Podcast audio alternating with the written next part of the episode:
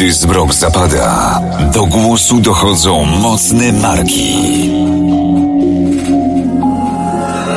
Herra on Air. Nocne rozmowy o sporcie, biznesie i przedsiębiorczości.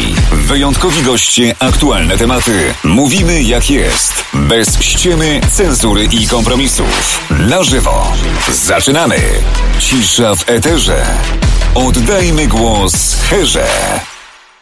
Dobry wieczór, witam bardzo serdecznie. Nocne rozmowy o sporcie, biznesie i przedsiębiorczości, bo to mocne, a właściwie nocne marki.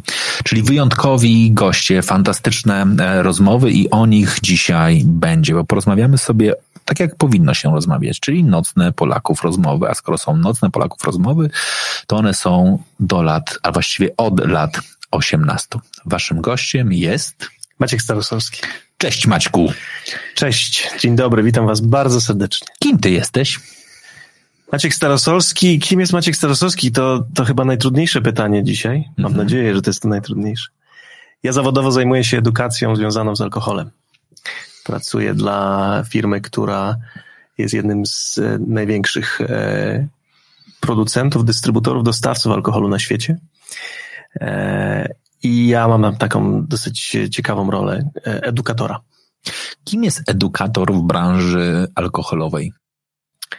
To człowiek, który odpowiedzialny jest za y, y, spread the love, jak ja to często mówię, e, czyli, czyli niesienie kaganka oświaty związanego z, z odpowiedzialną, mądrą, rozsądną konsumpcją alkoholu. Ale to też rozmowa o tym, e, czym są te alkohole, skąd się wzięły, dlaczego jedne lepsze od drugich, bardzo subiektywne oczywiście.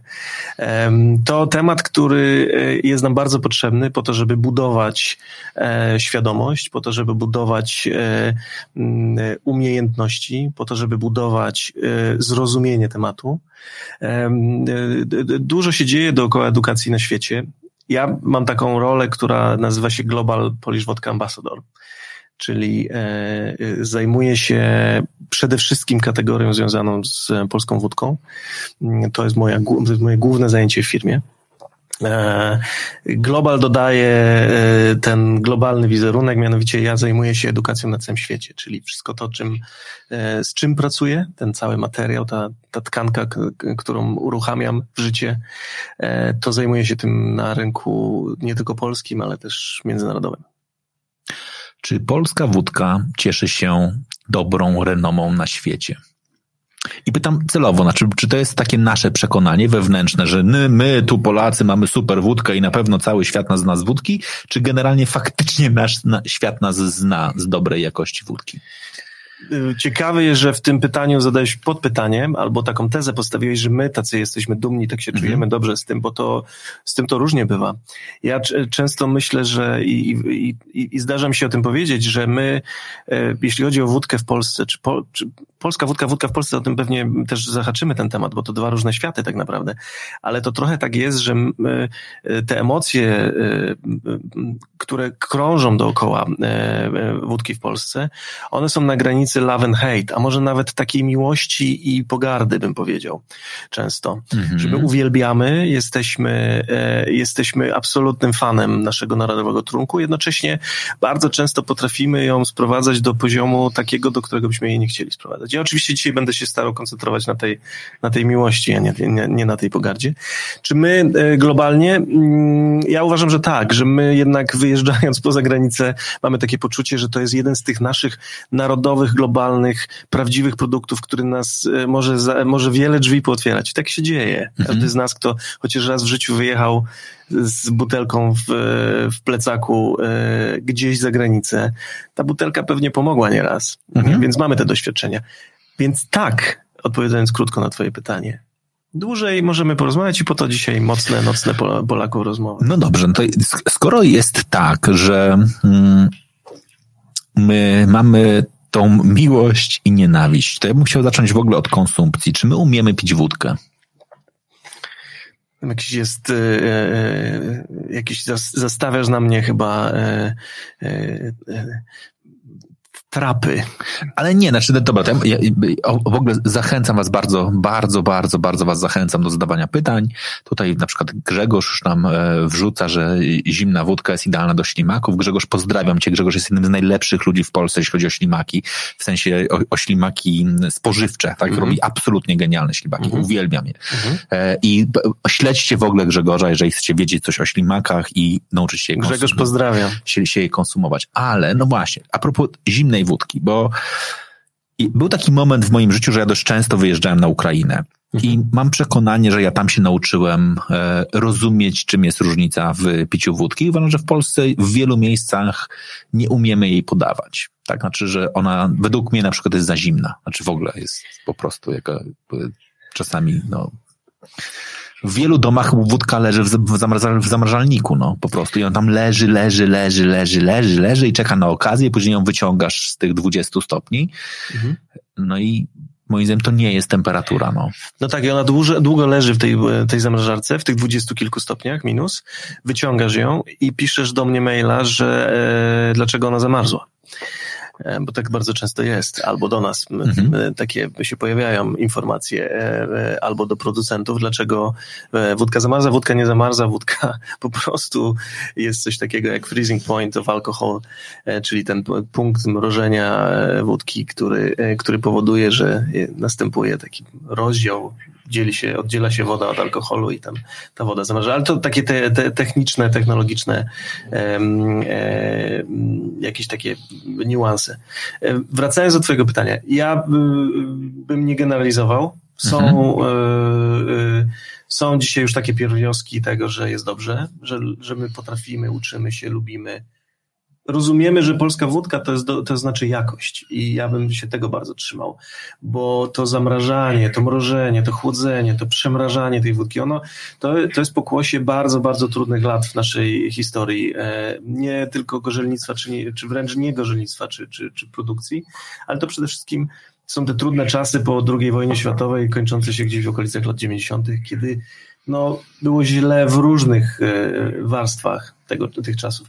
I mm, e, wódka w tamtych czasach nie należała do najlepszych. W związku z tym e, ja, jej jakość nie była aż tak dobra. To, to mrożenie to jest takie pokłosie tamtych lat, tamtych czasów, kiedy jej jakość była na tyle niska, że niska, niska temperatura co robi, ona ukrywa, maskuje, to jest prawdopodobnie idealne słowo do tego, żeby, żeby to, to nazwać, kryje te wszystkie niedoskonałości alkoholu, które się w nim znajduje, znajdują, a znajdować się ich może wiele. W związku z tym, w związku z tym to te, takie pokłosie i takie, takie poczucie, że wódkę trzeba mrozić, aczkolwiek ja dzisiaj e, znam już bardzo wielu takich e, moich e, bliższych lub dalszych kolegów, przyjaciół, którzy spokojnie ze mną do ciepłej, tak zwanej ciepłej wódki, czyli, czyli tego, co, co nie powinniśmy robić, ciepła wódka okropna, ja uwielbiam, siadają i e, jest coraz lepiej. Ja uważam, że coraz więcej miejsc, coraz więcej lokali gastronomicznych, coraz więcej tych lodówek, tych zamrażarek się zamienia na lodówki. Na lodówki. I lodówka jest okej. Okay. Mhm. Te 8-10 stopni, czyli takie, taka baza, bym powiedział, białe wino albo cieplejsze piwo, coś gdzieś ten kierunek, to jest bardzo dobra temperatura. My generalnie, czy ja w swoich, w swojej pracy i w rozmowie na temat wódki, generalnie staram się podpowiadać, że ta temperatura między 6, 4, może trochę za nisko dla niektórych, ale 6, 8 do 10 stopni to jest idealna temperatura do podawania wódki. Okej, okay, czyli jeżeli generalnie mamy taką sytuację, że w tej temperaturze wódka nam nie za bardzo smakuje, to raczej powinniśmy powiedzieć, że to jest gorzej w kierunku tej wódki niż nas. Znaczy, że to najprawdopodobniej tak, powoduje, że musimy, musimy ją przemrozić, bo to nie jest e, najwyższej jakości produkt i, i no i to będzie lepsze? Znaczy po prostu zamroźmy, może wtedy się uda? Wiesz co, ja to zawsze powiadam, że jak masz wódkę, którą mrozisz, czyli musisz ją mrozić, to już jej z tej zamrażarki nie wyciągaj. Okay. Zostaw ją tam i niech ona sobie tam dożyje swoich lat. E, dobra wódka, dobra jakość, dobry surowiec, dobry składnik, e, dobra produkcja, cały proces, który za tym idzie, powoduje, że mamy alkohol naprawdę wysokiej, wysokiej e, no, jakości, o tym już wspomniałem, co sprawia, że nie musimy jej maskować, nie musimy niczego ukrywać. Mhm. Dzisiaj, XXI wiek, latamy na Księżyc, latamy na Marsa, mamy technologię, mamy wiedzę, mamy know-how, mamy doświadczenie. Polska wódka to 500 lat doświadczeń. E, ja zawsze się trochę śmieję, że jak coś robisz przez 500 lat, to prawdopodobnie już wiesz, jak to robić. I my to naprawdę wiemy. My w Polsce naprawdę wiemy, jak produkować wódkę, jak się z nią obchodzić, jak pracować ze składnikiem, jak pracować z surowcem. E, gorzelni, gorzelników mamy najlepszych na świecie, mimo tego, że to są, to są silne statementy. Ja sobie zdaję z tego sprawę i pewnie e, komentarze pojawią się, jak ktoś gdzieś inaczej. Ja będę bronił naszej polskości, nie dlatego, że, e, że to jest jakiś taki super zero-jedynkowy patriotyzm. Ja przejechałem świat kosztując wódkę w różnych miejscach, nasi słuchacze mam nadzieję, że też i, i dochodzę do, do takiego wniosku, że my naprawdę wiemy, jak to robić. Mamy gorzelników, jakich nikt nie ma na świecie. Mamy tradycję, która sięga 500 albo więcej lat. Eee, mamy technologię po drugiej stronie, która naprawdę jest dzisiaj fantastyczna. A przede wszystkim mamy świetny surowiec. My jednak jesteśmy krajem rolniczym, co mhm. powoduje, że mamy genialny surowiec. Mamy fantastyczne żyto. Jesteśmy krajem, który stoi żytnią wódką. My, żyto mhm. dla nas to był zawsze taki surowiec, który jest nasz. E, żytnia wódka, ja generalnie mówiłem o, o surowcu, mhm. o tym, że go mamy, on jest świetny. Mamy fantastyczne ziemniaki. Jesteśmy krajem, w którym ziemniaki się nie urodziły. My nie, ziemniaki nie pochodzą z Polski, nawet nie pochodzą z Europy. Mamy ponad 320 zarejestrowanych e, e, rodzajów ziemniaka, czy tam e, gatunków ziemniaka w Polsce. Mamy świetny składnik. E, wiemy, jak z nim pracować. Potrafimy go obrabiać. Nie wszyscy na świecie potrafią pracować z ziemniakiem. My to, my to robimy. E, że to nie jest na świecie najbardziej popularnym składnikiem. Dzisiaj produkuje się wódkę na świecie z przeróżnych surowców, takich jak e, nie najwyższej jakości, nie wiem, melasy cukrowe, mieszanki zbóż, kukurydzy, etc. My w Polsce lubimy żyto. Potrafimy nim pracować pracować, że to daje fantastyczny rodzaj bardzo charakternej, ciekawej wódki. Więc mamy to wszystko. W związku z tym, że to mamy, to też potrafimy e, wyprodukować coś, co jest dzisiaj jakością. Zaczęliśmy od zamrażarki i tak, takie dosyć duże kółko żeśmy zrobili dookoła tej zamrażarki. Ta jakość powoduje, że nie musimy nie, nie, nie, nie pakujcie, nie, nie chowajcie wód, dobrej wódki w zamrażarce. Naprawdę ona Wódka nie lubi bardzo niskiej temperatury. Wódka lubi się lekko schłodzić. Czyli generalnie, tutaj jakbyśmy, gdybyśmy mieli spojrzeć na to trochę technicznie, to ja rozumiem, że spokojnie można wódkę trzymać tak jak kiedyś mieliśmy e, meblościanki, czy też takie te, takie, takie ścianki, tam zawsze był barek otwierany. Tak ten jest. barek był niebezpieczny, miał taki klucz, który potrafił zabić dziecko. Ciekawe, i, że ten barek masz taki sam jak, bo twoi rodzice taki sam jak moi. No bo wszyscy mieliśmy z, z jednej, z jednej jest jeszcze ten, na, na wysoki połysk i tak dalej. Czyli tam można było spokojnie trzymać wódkę. I teraz wtedy? Przed, przed, nie, wtedy nie. Wtedy nie, ale wtedy nie. dzisiaj można, bo tam była gdybyśmy tam mieli, moglibyśmy ją trzymać. Teraz Spokojnie. przed podaniem wystarczy ją, tak, tak samo jak, nie wiem, jeżeli białego wina nie trzymamy w lodówce do wina, to ja rozumiem, że jest taki sposób, że na kilkanaście minut go wkładamy do, do zamrażalnika po to, żeby było już gotowe do podania, czyli z wódki te, te, teoretycznie też, też, czy lepiej je powoli taki, trzymać w lodówce? Taki fast freezing. Tak, fast freezing, no. Wiesz co, nie wiem, nie, nie wiem, czy bym poszedł w tą stronę. Ja, ja generalnie ja, no. ja Maciek Starszewski, który tu siedzi, ja lubię wódkę w temperaturze tak zwanej pokojowej, czyli te 15 stopni, te, te 14. No to masz zimno w pokoju. No. Masz, masz zimno w pokoju. Znaczy wiesz, tym pokojem... Ale ja, ja wiem. Znaczy... Ja mam taką historię co do tego pokoju, bo ja e, od e, trzech bodajże lat, kiedy spotykam się z ludźmi i mówię im o tym, e, tej temperaturze pokojowej, to zawsze robię dygresję, żeby pamiętali o tym, że tra w, tradycji temperatury pokojowej to jest 15 stopni, tam do 18, bo ja kiedyś popełniłem taki błąd, wynikający z mojej, nawet tyle, nie tyle, że nie wiedzy, to ja po prostu nie, źle wyobraziłem sobie pewne historie. Leciałem do Meksyku z jedną z marek, e, z którą pracuję na co dzień, e, edukacyjnie. Mhm. Jechaliśmy, pojechałem tam po to, żeby, żeby faktycznie popracować z, z wódką. Seria tastingów w różnych miejscach w, w Meksyku i w jednym z pierwszych z moich maili takich, taki rider techniczny wysyłam, gdzie proszę o pewne, żeby pewne zmienne, no jak to tam, każdy kto wie, co to znaczy rider techniczny, to rozumie, o co mi chodzi. W każdym razie jest pewnych, jakiś tam kilka podpunktów. Między innymi jeden z nich jest napisane, bardzo proszę, w moim przypadku tak jest, bardzo proszę, wódka w temperaturze pokojowej, do not freeze it, czyli nie, nie, nie, nie chowajmy tego w zamrażarce. Wódka, i to ważne akurat w tym kontekście, wódka w temperaturze pokojowej, wysłałem maila, zamknąłem, przyszedł mail zwrotny z Meksyku, ola chico, wszystko jest okej, okay. Maciek zadowolony, świat samolot poleciał do Meksyku. E, tylko zapomniałem o tym, że w maju w Meksyku temperatura pokojowa to nie 15, tylko raczej 50, 50. albo blisko tego, co też powodowało, że zamiast mieć alkohol w lekko e, w takiej temperaturze przyswajalnej, no to, to korki z tych, z tych butelek wypadały jak z szampana, więc Okej. e, i to powoduje, że e, cały w ogóle proces degustacyjny jest kompletnie za, zepsuty, popsuty, bo, bo, bo się nie da, więc pamiętajmy, że ta temperatura pokojowa to, to te 15-18, lepiej jak jest chłodno w pokoju niż zbyt, zbyt ciepło. Więc ja e, zawsze podpowiadam, w ogóle, ja mam taką teorię, słuchajcie, e, ja to nazywam ultimate test dla wódki. E, I tym testem mam dwa takie podpunkty. Jednym z nich, pierwszy test, to jest serwowanie, podawanie w temperaturze pokojowej.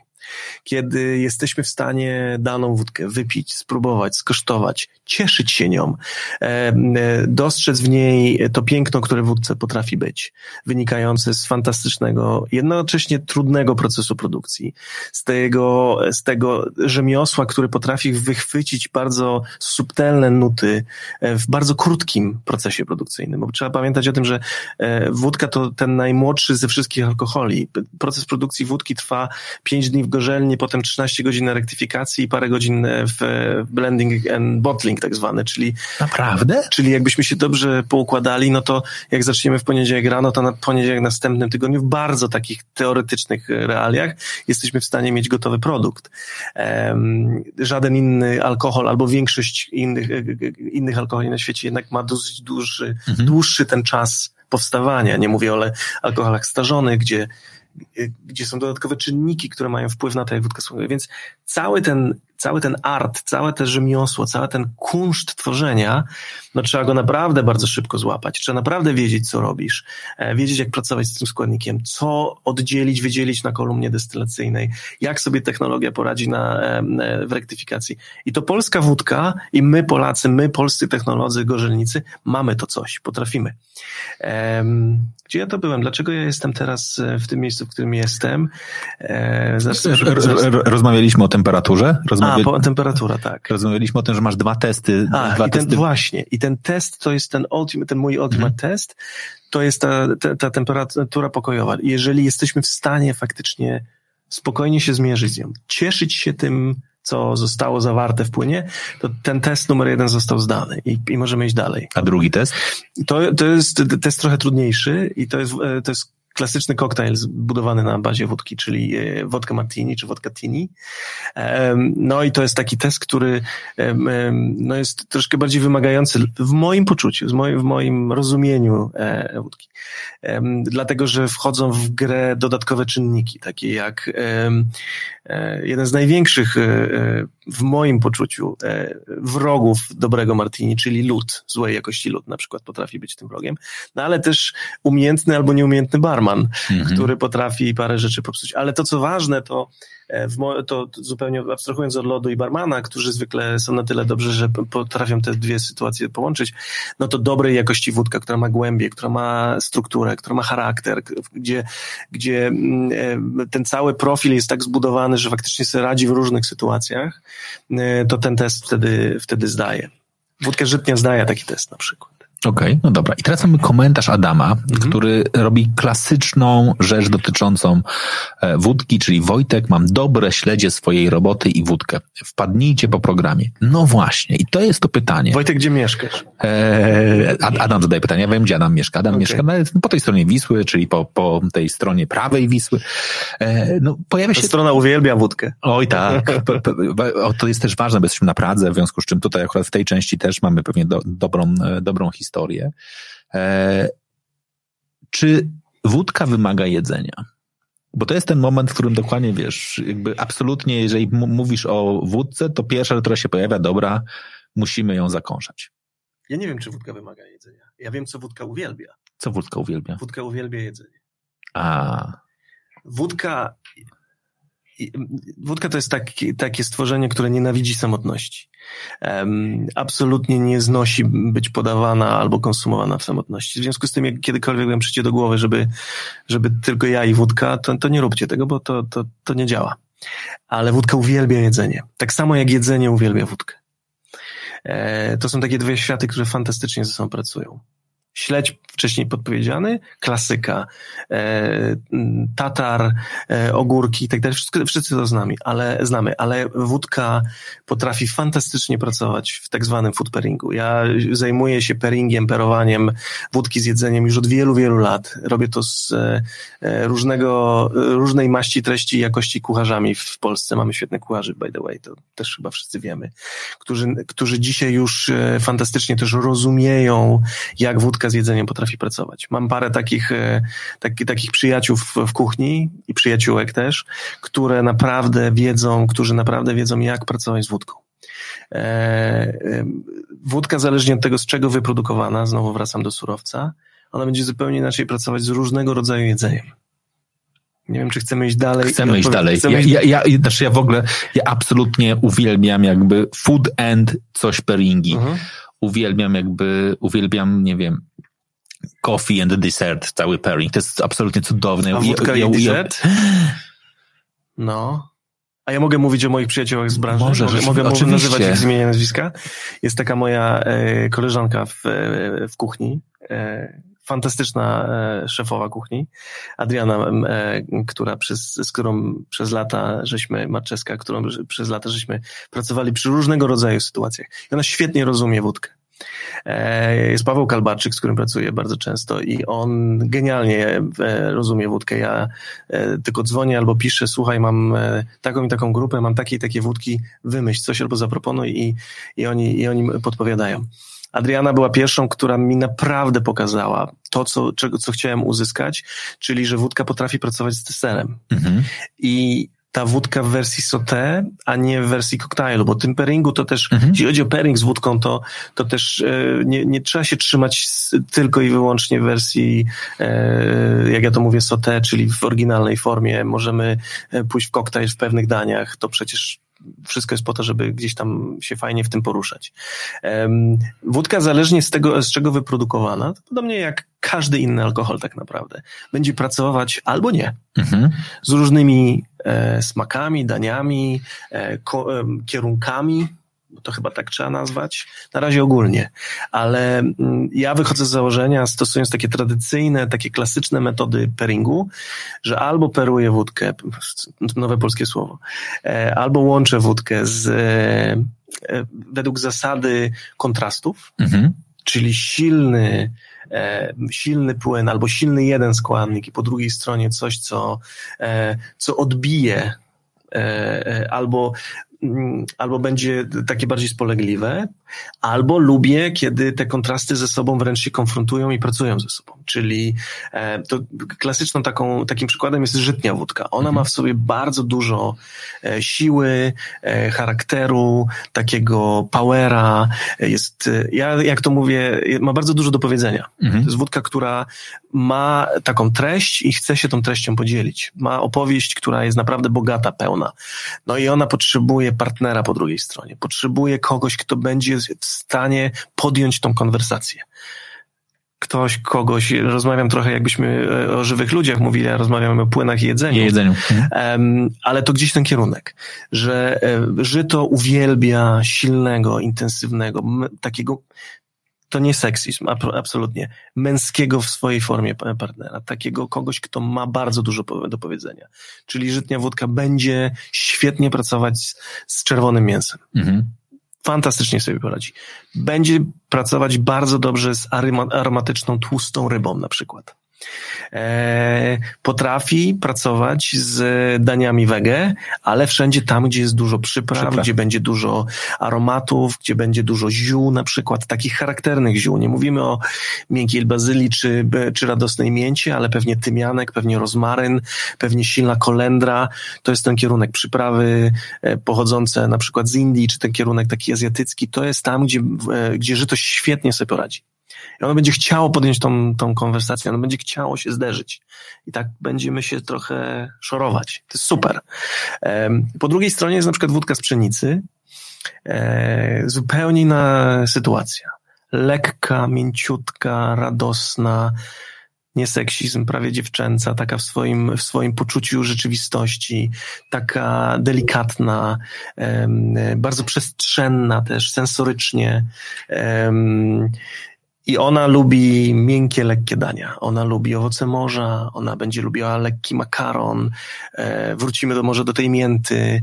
E, poradzi sobie świetnie z, e, z risotto na przykład. To jest, to jest ten kierunek. Gdzieś pomiędzy tym jest e, trzeci mój ulubiony, a jeśli nie drugi mój ulubiony surowiec, czyli ziemniak. No i to jest wódka, która E, która zupełnie inaczej będzie reagować. Uwielbia ryby. Ziemnia, ziemniaczana wódka uwielbia ryby. Dobra polska ziemniaczana wódka. Nie będę podpowiadał, która, ale jak, jak, jak spojrzycie, kim je, dla kogo pracuję i, i z czym się zajmuję, to, to pewnie będziecie wiedzieli, o co chodzi. Czekam na komentarze. E, dobra ziemniaczana wódka uwielbia e, dobrą rybę. Świetnie sobie radzi ze śledziem. E, lubi rybę typu halibut. To takie są takie jeszcze nie mięsne, ale, ale, ale już takie intensywne, silne ryby. Ale też trzeba uważać na poziomie aromatyczności, takiej siły tego drugiego, tego jedzenia, no bo różnie to może być. Musisz mnie zatrzymywać co chwilę, bo ja mogę gadać i gadać i gadać. To jest absolutnie jakby zasada tego programu, że wypuszczam gości po to, żeby oni opowiadali. W którym momencie się buduje paleta, która pozwala nam faktycznie bawić się e, wódką, rozumieć jej smaki, bo ty przepięknie o niej opowiadasz. Tylko sobie wyobrażam, że dla dużej ilości osób, które no, zaczynają e, lub też mają jakieś doświadczenia, tylko nigdy nie podjęły tej próby pod tytułem nauczmy się trochę, tak, wódki? To mm. Wódka to wódka, tak? Znaczy po prostu... Oj tak, bardzo I koniec. Często, Taki to jest, i ludzie mówią w ogóle, nie, nie, nie, ty, ty wiesz, ty, ty pokazujesz strukturę, głębie i, i jak się tego nauczyć? Znaczy, w, w jaki sposób zacząć się faktycznie, wiesz, nie pić, a bawić alkoholem. W takim sensie, że dokładnie sobie mówić, dobra, będę poszukiwał, będę się rozwijał i, oczywiście będę rozwijał swoją, swoją zdolność e, rozpoznawania. Super, sam się teraz wypuściłeś, dlatego że odpowiedziałeś na swoje pytanie. E, pierwsze, co trzeba zrobić, to przede wszystkim mm, przestać myśleć, e, wyłączyć ten przełącznik w głowie, który mówi wódka to wódka. Mhm. Bo czy wino to wino? Nie. Bo czy whisky to whisky? Nie. Mało czy, tego, kawa to nie kawa. Bo kawa to nie kawa. Czy herbata to herbata, mhm. etc. Moglibyśmy się tak bawić. Moglibyśmy tu siedzieć i opowiadać sobie takie, jakby odpowiadać na to pytanie.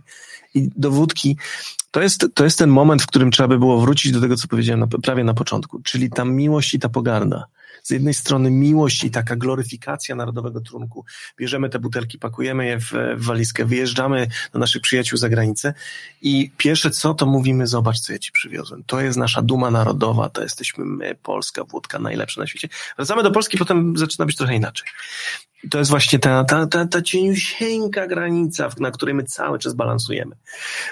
Zupełnie niepotrzebnie, bo y, powinniśmy gloryfikować i, i, szanować nasz narodowy trunek i tu, i, i gdzieś. Mhm. Znaczy powinniśmy, oczywiście imperatyw nie jest zupełnie niepotrzebny, ale ja z takiego założenia wychodzę.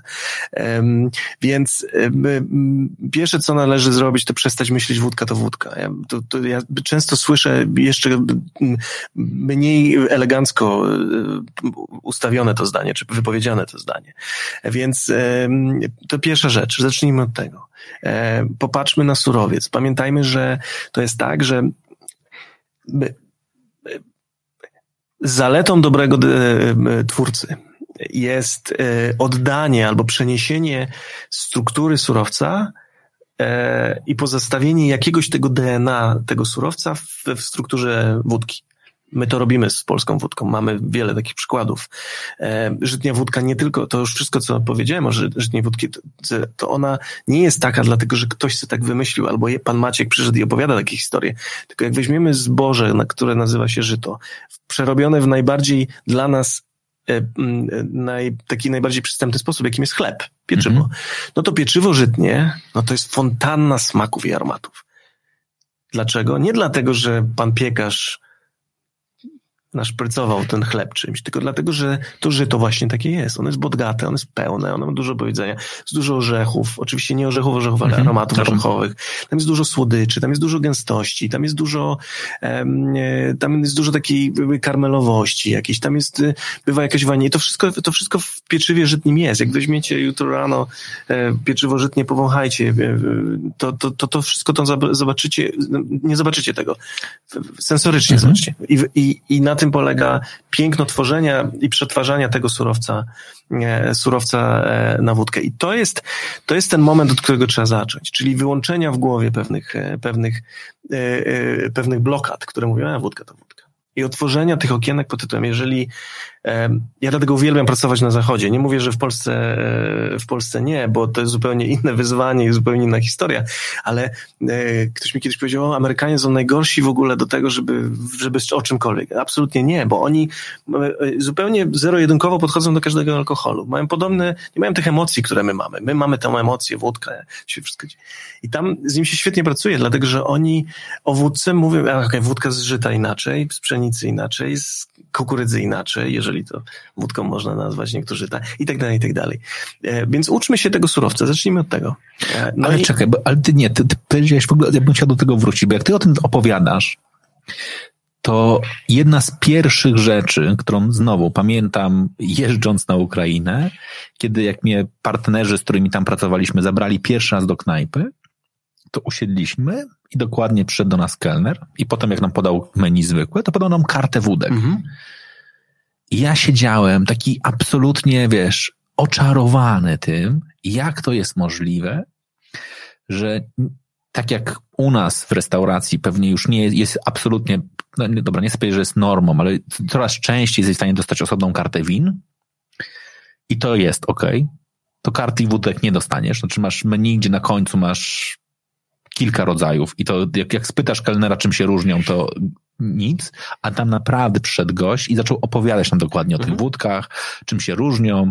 One oczywiście były opisane ładnie, również z perspektywy zawartości alkoholu i wszystkie inne rzeczy i tak dalej, i tak dalej, i tak dalej.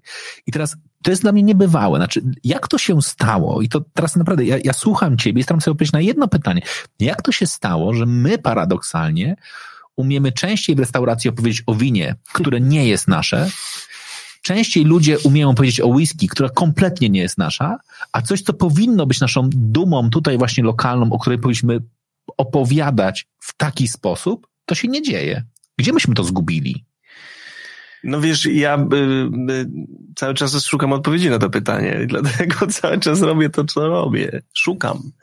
E, ja chyba nie mam odpowiedzi. Nie wiem, czy chcę, nie wiem, czy chcę ją artykułować głośno. Gdzie myśmy ją zgubili?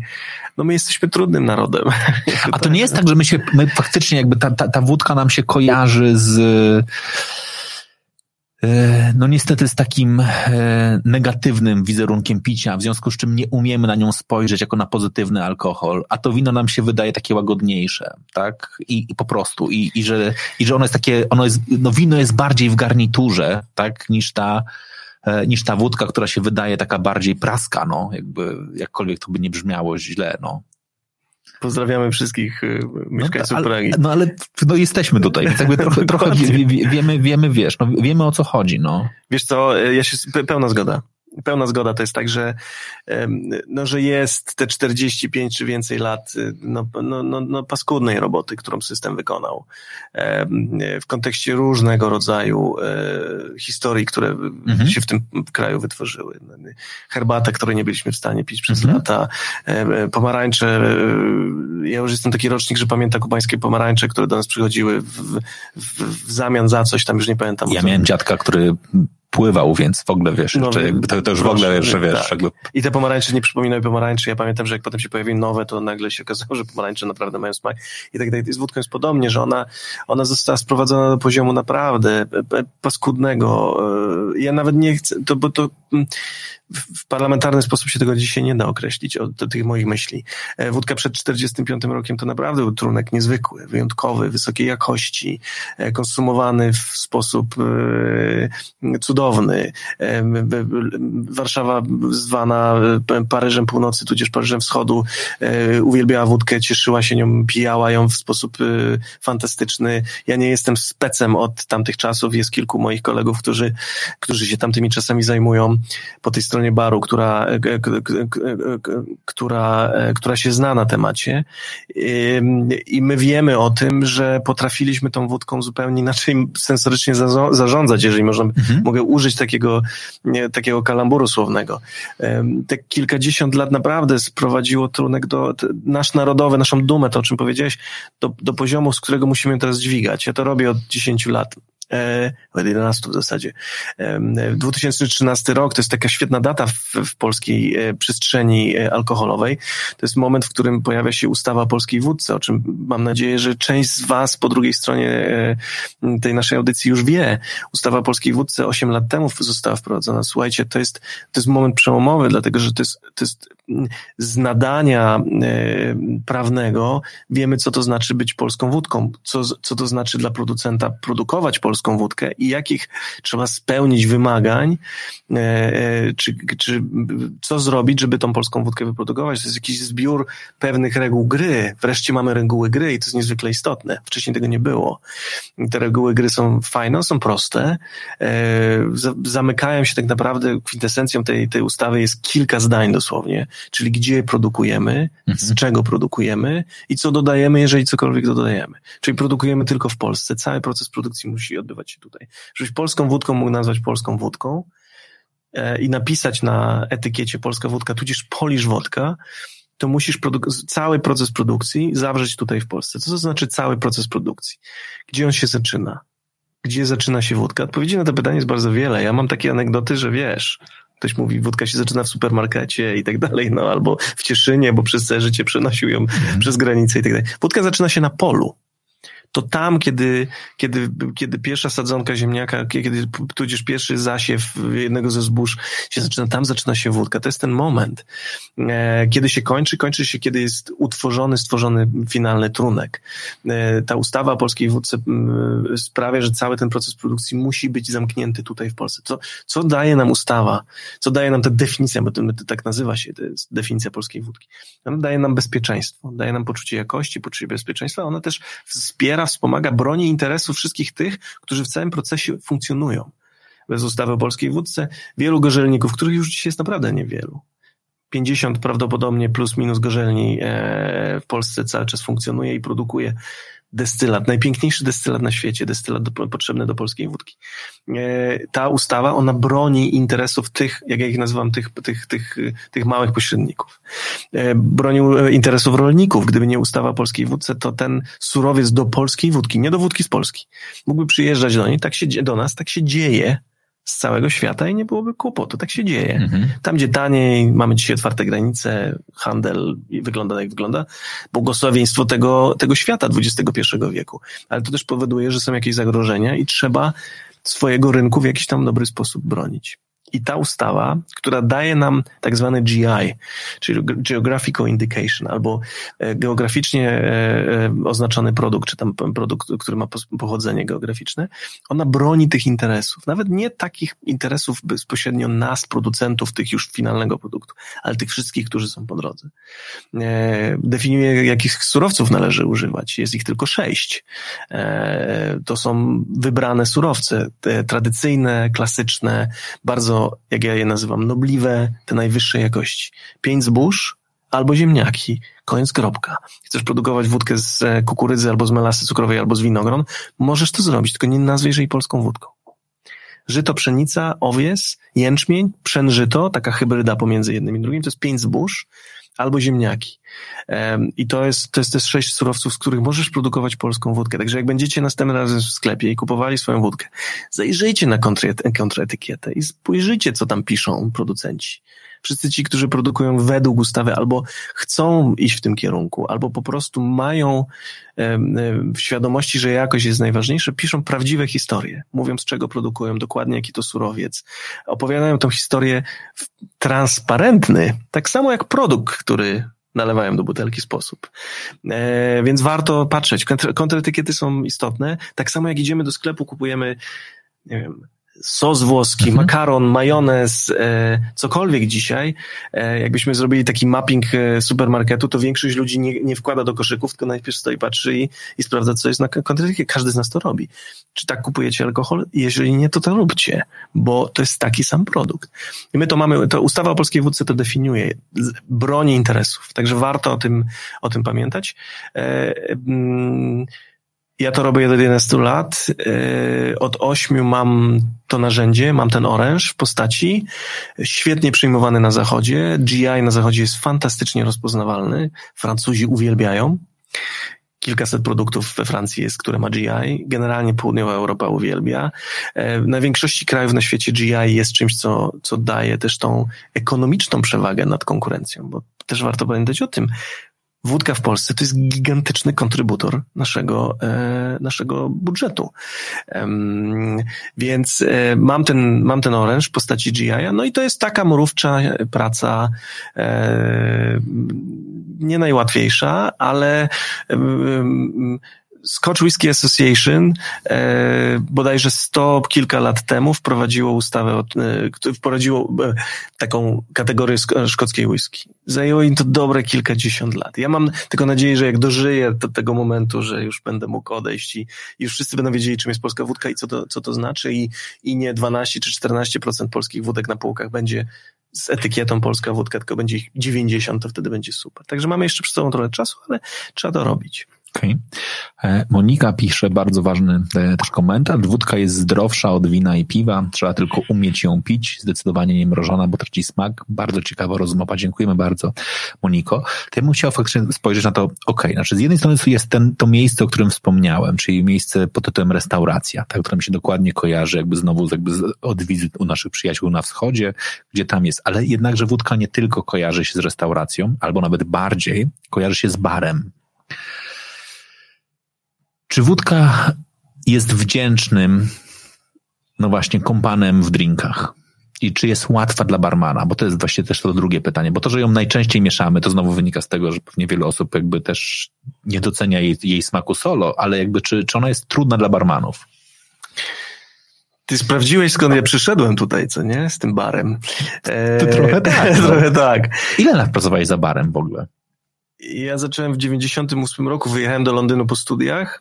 Zacząłem w 98 roku, bo pojechałem na, to było takie 6 do 12 miesięcy, żeby się języka nauczyć. Polska w tamtych czasach była dziwnym krajem, więc mnie jakoś łatwiej to, to przyszło. No i ten rok y, się skończył w 2009. Mhm. Więc pracowałem za barem tak, było z 11 lat takiej praktyki, praktyki. Ja tylko nawiążę, jeśli mogę, do tego, co powiedziała Monika. Mm, ja bym nie, nie, nie wkładał do tej rozmowy słowa zdrowsza. Okay, okay. unikajmy tego, dlatego że alkohol to alkohol, e, to jest trunek, z którym trzeba faktycznie sobie e, w sposób e, odpowiedzialny radzić. Na pewno, na pewno jest coś w tym takiego, że wódka jest alkoholem, w związku z tym, jak jest produkowana, no to też faktycznie jest bardzo czysta w swojej formie, jeśli chodzi o taką biotechnologię. To taki mała, mała dygresja. Ale super, że Monika słucha nas i, i, i, i, i fajna to rozmowa dla niej. Wódka w barze, Świetny alkohol, fantastyczny. To tak naprawdę alkohol, którego barmani powinni i zwykle zaczynają swoją przygodę z mieszaniem. Dlatego, że to e, jest bardzo wdzięczny alkohol do pracy. To jest alkohol, który świetnie poddaje się wszystkim naszym wygłupom. E, to jest taki alkohol, który, który jest no jak taka. Muszę, muszę, muszę uważać, co mówię. E, jest naprawdę bardzo przyjaznym alkoholem do pracy. Generalnie pozwala nam na wszystkie nasze szalone pomysły i w zasadzie nie będzie, e, nie będzie odmawiała nam tych pomysłów.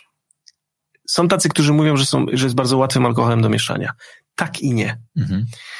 Tak, dlatego że, przepraszam, e, dlatego że ta jej przystępność powoduje, że dużo, bardzo łatwo kojarzyć ją można, miksować ją można, łączyć z przeróżnego rodzaju naszymi pomysłami, różnego rodzaju dodatkowymi alkoholami, syropami, likierami, e, sokami, softami. Wymyślisz składnik, wymyślisz e, połączenie i wódka generalnie nie powie nie. Ona spowoduje, że to wszystko w teorii będzie ze sobą dobrze pracować. E, wyzwaniem jednocześnie, ja jestem tym, który jest chyba pierwszy do tego, żeby powiedzieć, może nie pierwszy, pierwszy, ale w każdym razie ja zawsze mówię stop, to nie jest tak, że ona jest taka bardzo, bardzo łatwa, dlatego że jeśli chodzi o łączenie wódki w, w, w koktajlach, no to e, mając świadomość tego, że ona stoi w centrum i będzie pracować ze wszystkimi naszymi składnikami, musimy pamiętać albo przerzucić swój tak zwany mindset, mówiąc nieładnie, w tym kierunku e, czy te składniki, które dobierzemy, będą pracować ze sobą. Okay. I tu jest wyzwanie, bo musimy zacząć myśleć troszeczkę inaczej.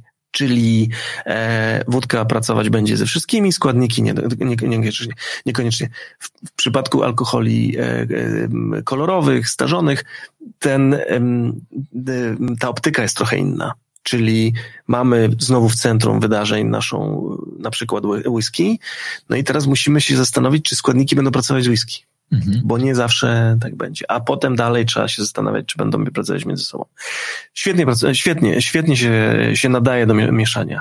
Um, moglibyśmy, tak myślę, się zastanawiałem właśnie, czy przyjechać z koktajlem, ale potem pomyślałem, że może nie na wizji. Um, wszystkim tym, którzy ja zaczynałem swoją karierę, jeśli można tak nazwać, od tego, że mój kolega barman, e, szef barów w jednym z londyńskich barów, e, wtedy, kiedy zaczynałem pracować, powiedział, okej, okay, na tym, zacznij od tego, zacznij od wódki, bo to najłatwiej zrozumieć, e, na czym polega łączenie smaków. No bo tak naprawdę to w tworzeniu koktajli chodzi dokładnie o to, o co chodzi w kuchni. Mhm czyli o łączenie smaków, o pracę ze smakiem, pracę ze składnikiem. E, mądre, e, strukturalne, e, ilościowe, jakościowe łączenie składników. E, jest bardzo, bardzo blisko pomiędzy patelnią a shakerem. To są światy, które są w zasadzie jednorodne, tylko w jednym jest e, e, stała forma, czyli, jeden, czyli żywność, a w drugiej jest ta forma raczej, raczej płynna. Dobra. Zanim pójdziemy jakby dalej w kierunku koktajli, ja mam jedno pytanie, jakby, które mnie zawsze intryguje z perspektywy jakby baru, a mianowicie taki naj, wydaje się, że najprostszy, a z drugiej strony najbardziej potrzebny e, składnik każdego drinka, czyli lód. Mhm. Co zmienia lód w kostce versus kruszony z perspektywy no właśnie, barmana. Ciekawe, ile moich kolegów barmanów ogląda dzisiejsze spotkanie, bo ja tam puściłem wici. E, mam nadzieję, że oglądają i zaraz się pojawią różne komentarze. E, słuchajcie, e, co zmienia? Mm, dużo i niedużo. No, lód jest potrzebny do tego, żeby przede wszystkim schłodzić, zmieszać. To są takie dwa główne, główne powody, dla którego używamy lodu. Ja sam osobiście wolę pracować z kostką niż z, kruszonym lodem. Jest to lód, który jest dużo, dużo bardziej przewidywalny. E, bo jego jakość, szczególnie jak masz dobrze smrożony lód, to jego jakość powoduje, że, że ta tak zwana, tak zwana woda lodowa, czyli ten, ten element, który oddajesz w trakcie mieszania jest na tyle przewidywalny, że jest łatwo nim zarządzać. Kruszony lód jest troszeczkę trudniejszy, on jest dużo, e, dużo bardziej podatny na to, co się dzieje na zewnątrz, czyli na mhm. temperaturę e, otoczenia jako taką. Wiesz co, no są koktajle, które y, potrzebują kruszonego i na lodzie, na kostkach sobie nie poradzą. Są takie, które tej, tej kruszonki, y, jak to się mówi w naszym języku, y, absolutnie nie przyjmują ważne jest, żeby mieć dobrej jakości lód. Co to znaczy dobrej jakości lód? Lód, który jest dobrze zmrożony, e, lód, który nie, którego nie zostawiasz zbyt długo na zewnątrz, a jeżeli go zostawiasz na zewnątrz w jakimś tam pojemniku, to pamiętaj, żeby w momencie, w którym go używasz do, do, już do swojego drina e, czy koktajlu, żeby on e, był odcedzony, mhm. ulubione słowo, odcedzony z tej wody, której, której gdzieś tam pływa, ale najlepiej nie dopuszczać do tego, żeby ta woda się pojawiła, dlatego że im, im im ten lód jest gorszej jakości, tym będzie miało to bezpośredni, tym bardziej będzie miało to bezpośredni wpływ na jakość, na jakość koktajlu. Więc dobry lód to znaczy dobra jakość drina. E, dobra, jak będziecie w, w, bary nam za chwilę otwierają. Także idźcie, sprawdzajcie, co tam, co tam się dzieje w tych barach. Dobra, duża, twarda, zmrożona kostka to jest jakość.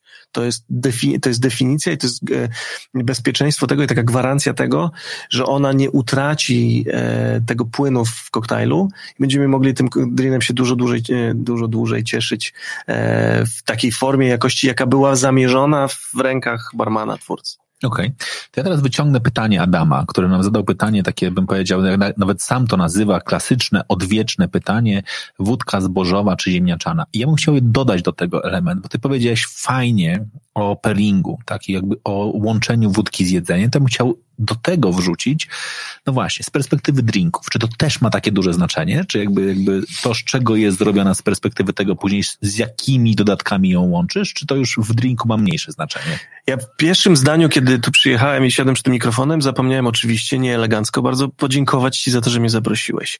Teraz zadając mi to pytanie, jeszcze bardziej Ci chcę podziękować za to, że mnie zaprosiłeś, dlatego, że otwierasz tematy, otwierasz czakry, które, które, które naprawdę, których naprawdę niewiele otwiera. Naprawdę? Naprawdę. A to, to Adam otworzył. Super, Adam, to, to otworzył Adam. Adam, jesteś super gościem. E, dzięki za to pytanie. E, ja e, e, całe prawie swoje zawodowe życie, wszystkich moich, całą moją publiczność, z którą mam do czynienia w, w kontaktach takich edukacyjnych, którą szkole, zawsze proszę, Patrzcie na wódkę z różnego rodzaju surowców dokładnie taki sam sposób, jak patrzycie na, patrzycie na whisky, albo postrzegacie, albo pracujecie z whisky szkocką, irlandzką czy bourbonem, jak z rumem z trzciny cukrowej, albo z, e, albo z soku z trzciny cukrowej, albo z melasy, jak z rumem z, albo z różnego rodzaju ginem, etc., etc., etc. I tutaj dokładnie trzeba tak samo o tym myśleć. Ja wychodzę z założenia, że nie każda wódka będzie pasować do każdego drina. Ja lubię dobierać e, e, składniki do mojej wódki, czy do mojego koktajlu versus tak wódką, wódka, którą mam e, jako ten mój główny, ta moja główna aktorka. I teraz tak, bardzo generalizując, bardzo, taką naj, najlepiej pracującą, najbardziej wszechstronną będzie wódka żytnia. Dobra polska żytnia wódka to jest, to jest kwintesencja możliwości.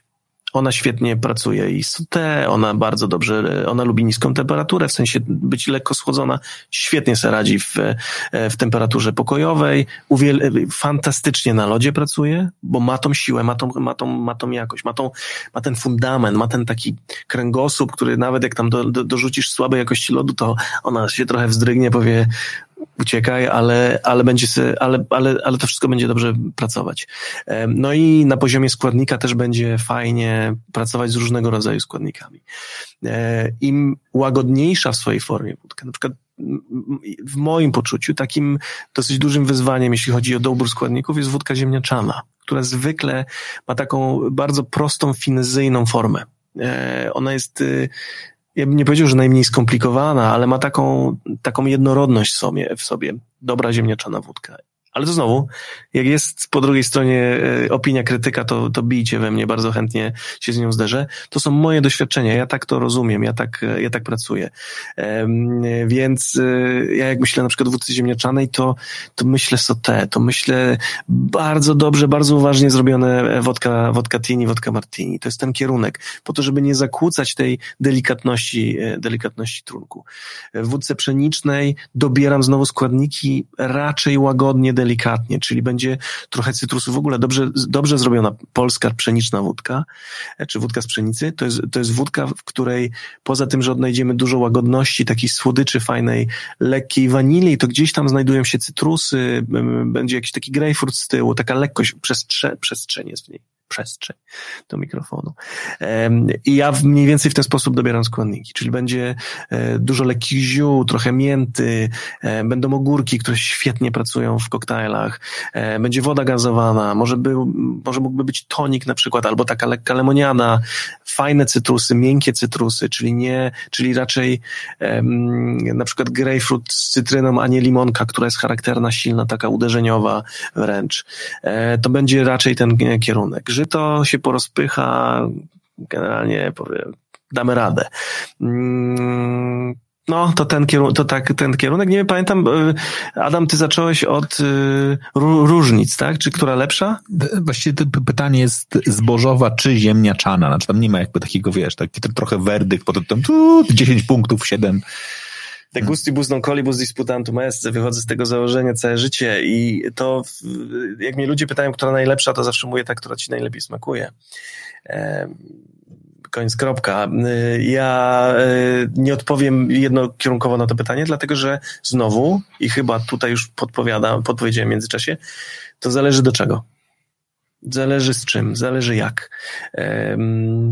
Ja bardzo lubię żyto. Uwielbiam wódkę żytnią, bo ona mi bardzo dużo daje różnych możliwości. Ale jednocześnie jednocześnie są takie, są takie miejsca i są takie, są takie kierunki, gdzie, gdzie pszeniczna wódka daje radę i się fajnie, fajnie, fajnie spisuje. Ziemniak jest w moim poczuciu taki najbardziej wymagający. Ona jest, ona jest Y, myślę, że trochę, może nawet kapryśna, to może nie wiem, czy to jest to słowo, ale w takim pozytywnym tego słowa znaczeniu. Ona potrzebuje takiej ogłady i potrzebuje zrozumienia, czym jest tej struktury, bo, bo ma strukturę bardzo miękką, taką delikatną. Ona, ona potrafi, ziemniak sam w sobie jest bardzo subtelnym, pomimo tego, że wydaje nam się, że, że, że nie do końca tak jest, ale bardzo subtelnym, jest dużo wody w ziemniaku jak się nad tym zastanowimy, to kilkadziesiąt procent, tam do nawet 80 procent składu surowego ziemniaka to woda i w moim poczuciu to trochę jest tak, że to się wręcz przekłada na to, jak ta wódka potem, jaką ma strukturę. Ma taką lekką, miękką strukturę. Zrobisz wodkę martini czy wodkę tini z, um, na wódce ziemniaczanej e, i będziesz używał złej jakości lodu, słabej jakości lodu, ten lód, co to znaczy, czyli taki rozwodniony, już taki ciepły lód, no to ta wódka się pogubi. Ona straci, jak ja to mówię, nogi, e, trochę się tak e, wywróci i, i nie będzie pracować, bo, bo, bo darzy jej składnika, który ją po prostu rozmyje jako tak. Także practice makes you perfect. No to jest trochę na tej zasadzie. No praktyka czyni mistrza pracować, eksperymentować, sprawdzać, e, komentować, opiniować, kłócić się, konfrontować. To jest ten kierunek. I, i, I, dzięki temu dochodzisz do tego momentu, w którym ty zadałeś takie pytanie przed chwilą, tam już pewnie wiele zdań moich temu, gdzie jest ten moment, w którym sobie wykształcę. To jest właśnie ten moment, on przyjdzie ja, ja się nie urodziłem z takim, z takim rozumieniem, które wydaje mi się, że dzisiaj gdzieś tam zaczynam mieć. E, wódki i różnych innych alkoholi, bo wódka to mój konik, ale ja generalnie lubię alkohol bo uważam, że jest niezwykle wdzięcznym w ogóle e, taką materią, tkanką do pracy. Poza tym historię jestem z alkoholem, a historię to jest to, co ja najbardziej lubię w alkoholu. Mogę jej nie pić, tego, tego alkoholu, ale jak mam dobrą historię, to już jestem fanem bo to e, jest takie powiedzenie w branży stories build the brands. To, to, to, to, to, to historie budują marki, a nie marki budują historię. Tego się nie da zrobić w drugą stronę. Znowu nie pamiętam, dlaczego jestem w historiach, ale wrócę do tego zaraz. E, więc e, reasumując, podsumowując, nie urodziłem się tak. Mhm. To, że dzisiaj potrafię pewnie o tym opowiadać z troszkę większą pasją niż może inni, to to jest ileś lat doświadczeń, pracy, e, takiej próby zrozumienia tkanki, rozmowy okay. z twórcami, picia, degustowania bimbru na przykład, naszego polskiego, który jest też taką kwintesencją e, rzemiosła w Polsce. Nie bójmy się bimbru. Rozmawiajmy z tymi, którzy go produkują, którzy go robią. Robią to świetnie. To pięknie. Grzegorz dokładnie to podkreśla, ależ pasjonata, panie Macieju, czapki z głów, czyli chyli czoła, to przepiękna, Dziękuję. przepiękna historia. No dobra, ale rozmawialiśmy o barze, a właściwie o barmanach. Bo Ciągniesz to jest, mnie do tego baru. Ciągnę, wiesz co, ciągnę, bo, bo, bo niedługo je otworzymy. Tak. I, i, I wiesz, no i myślę sobie, że mamy duże oczekiwania. Znaczy jestem absolutnie przekonany, że my jako konsumenci mamy duże oczekiwania. Mało tego, nasza struktura emocjonalna czy psychologiczna powoduje, że no mamy taką tendencję, jeden z mechanizmów obronnych zresztą człowieka, wypierania złych doświadczeń, więc mamy trochę te wyobrażenia jeszcze takie wyidealizowane. Znaczy, jak sobie myślimy, jak wrócimy do tego baru, to ja naprawdę mógłbym sobie już wyobrażać, jak tam będzie fantastycznie, cudownie, wspaniale, mimo tego, że nigdy tak nie było na przykład, znaczy, że jakby było różnie, tak, znaczy były te cudowne chwile, były gorsze, ale tych gorszych nie chcę pamiętać. Czy my sobie z tym poradzimy? Znaczy, bo my często mówimy, i teraz naprawdę moja intencja jest taka, że my dużo mówimy o, nie wiem, kryzysie w branży restauracyjnej, a często zapominamy o ludziach, którzy w tej branży byli, którzy ją tworzyli, którzy ją budowali. No, restauracja to ludzie, a dzisiaj ja, tak jak ty powiedziałeś, że ciebie wielu barmanów obserwuję, ja mam pewnie też iluś tam znajomych, wielu z nich zrezygnowało z pracy, oni poszli malować mieszkania, oni wyjechali, oni, nie wiem, sprzedają samochody, oni uciekli. Zakładają fotowoltaikę. Zakłada, w ogóle, to, a to a propos tego, to też miałem spotkanie takie na, na ten temat ostatnio, jak dużo osób z tej branży zakłada fotowoltaikę, która gigantycznie rośnie.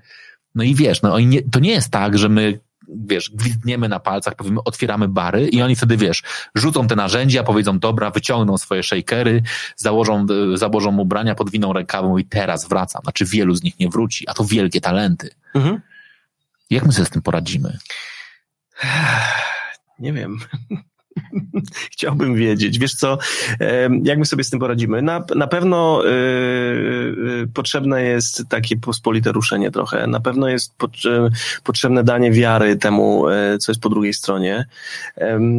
Na pewno będziemy potrzebowali wspierać branżę bardziej niż kiedykolwiek. Kiedy mówię my, to myślę o, o różnych my. Mhm. Mówię o my, konsumenci, wspierajcie branżę, wspierajcie swoje ulubione, ale nie tylko te za rogiem miejsca. Wspierać branżę dzisiaj można w różny sposób. Można, najlepiej w niej być, najlepiej być w tych barach, ale jak nie dacie rady, to to pogadajcie na, na, na fejsie, na Insta, rzućcie dobry komentarz, e, przypomnijcie sobie zdjęcie z tej knajpy, po to, żeby dać, dać taki dodatkowy rozruch tym miejscom. Chociaż z tego, co wiemy, czujemy i myślę, że to każdy z nas ma ten dodatkowy rozruch, ten power nie będzie aż tak bardzo potrzebny, bo my wiemy, że no wszyscy ci, którzy, którym udało się przetrwać, specjalnie mówię, którym udało się przetrwać, bo jest wielu takich, którzy nie, nie wrócą do gry. No to oni stoją w blokach startowych i tylko czekają na to, aż te drzwi się będą mogły otworzyć E, mm, informacja o tym, że wracamy do gry jako branża pojawiła się bodajże wczoraj. Mhm. No, mm, grupy docelowe na, na, na, na, na med w mediach społecznościowych no aż wrą za przeproszeniem od, od pomysłów, od, od tych miejsc, które mówią jesteśmy, przyjdźcie do nas za 15 dni do ogródka, za miesiąc, jeśli się nic głupiego nie, i, i złego nie wydarzy, nie głupiego, przepraszam, ale złego nie wydarzy, to, to, to wpadajcie do nas, więc jest wielu takich, którzy czekają. Jednocześnie to, co powiedziałaś, e, powiedziałeś, przepraszam, branża to ludzie, e, restauracje, bary to ludzie, bez nich się nie da i nie uda. Mhm. No i faktycznie e, my, i tutaj kiedy mówię my, to myślę o, o, o producentach, o firmach wspierających, firmach alkoholowych, takich jak ta, dla której pracuję.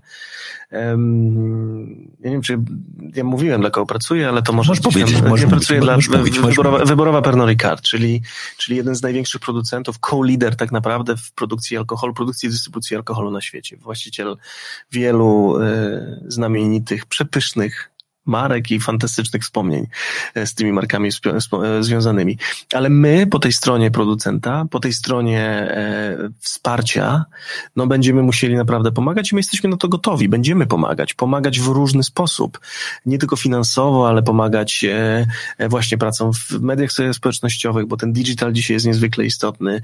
E, w, w dowożeniu fajnych promocji, w dowożeniu, sorry, to takie branżowe słowo, mhm. w dowożeniu dobrej edukacji, e, e, pracy z klientami, jeżeli trzeba będzie, wspieraniu wizerunkowych tych miejsc. To wszystko się dzieje i dziać będzie i my naprawdę, nasz zespół firmowy, na przykład w dziale on-trade czy choreka, tak jak się to mówi mhm. branżowo, jest gotowy i działa pełną parą.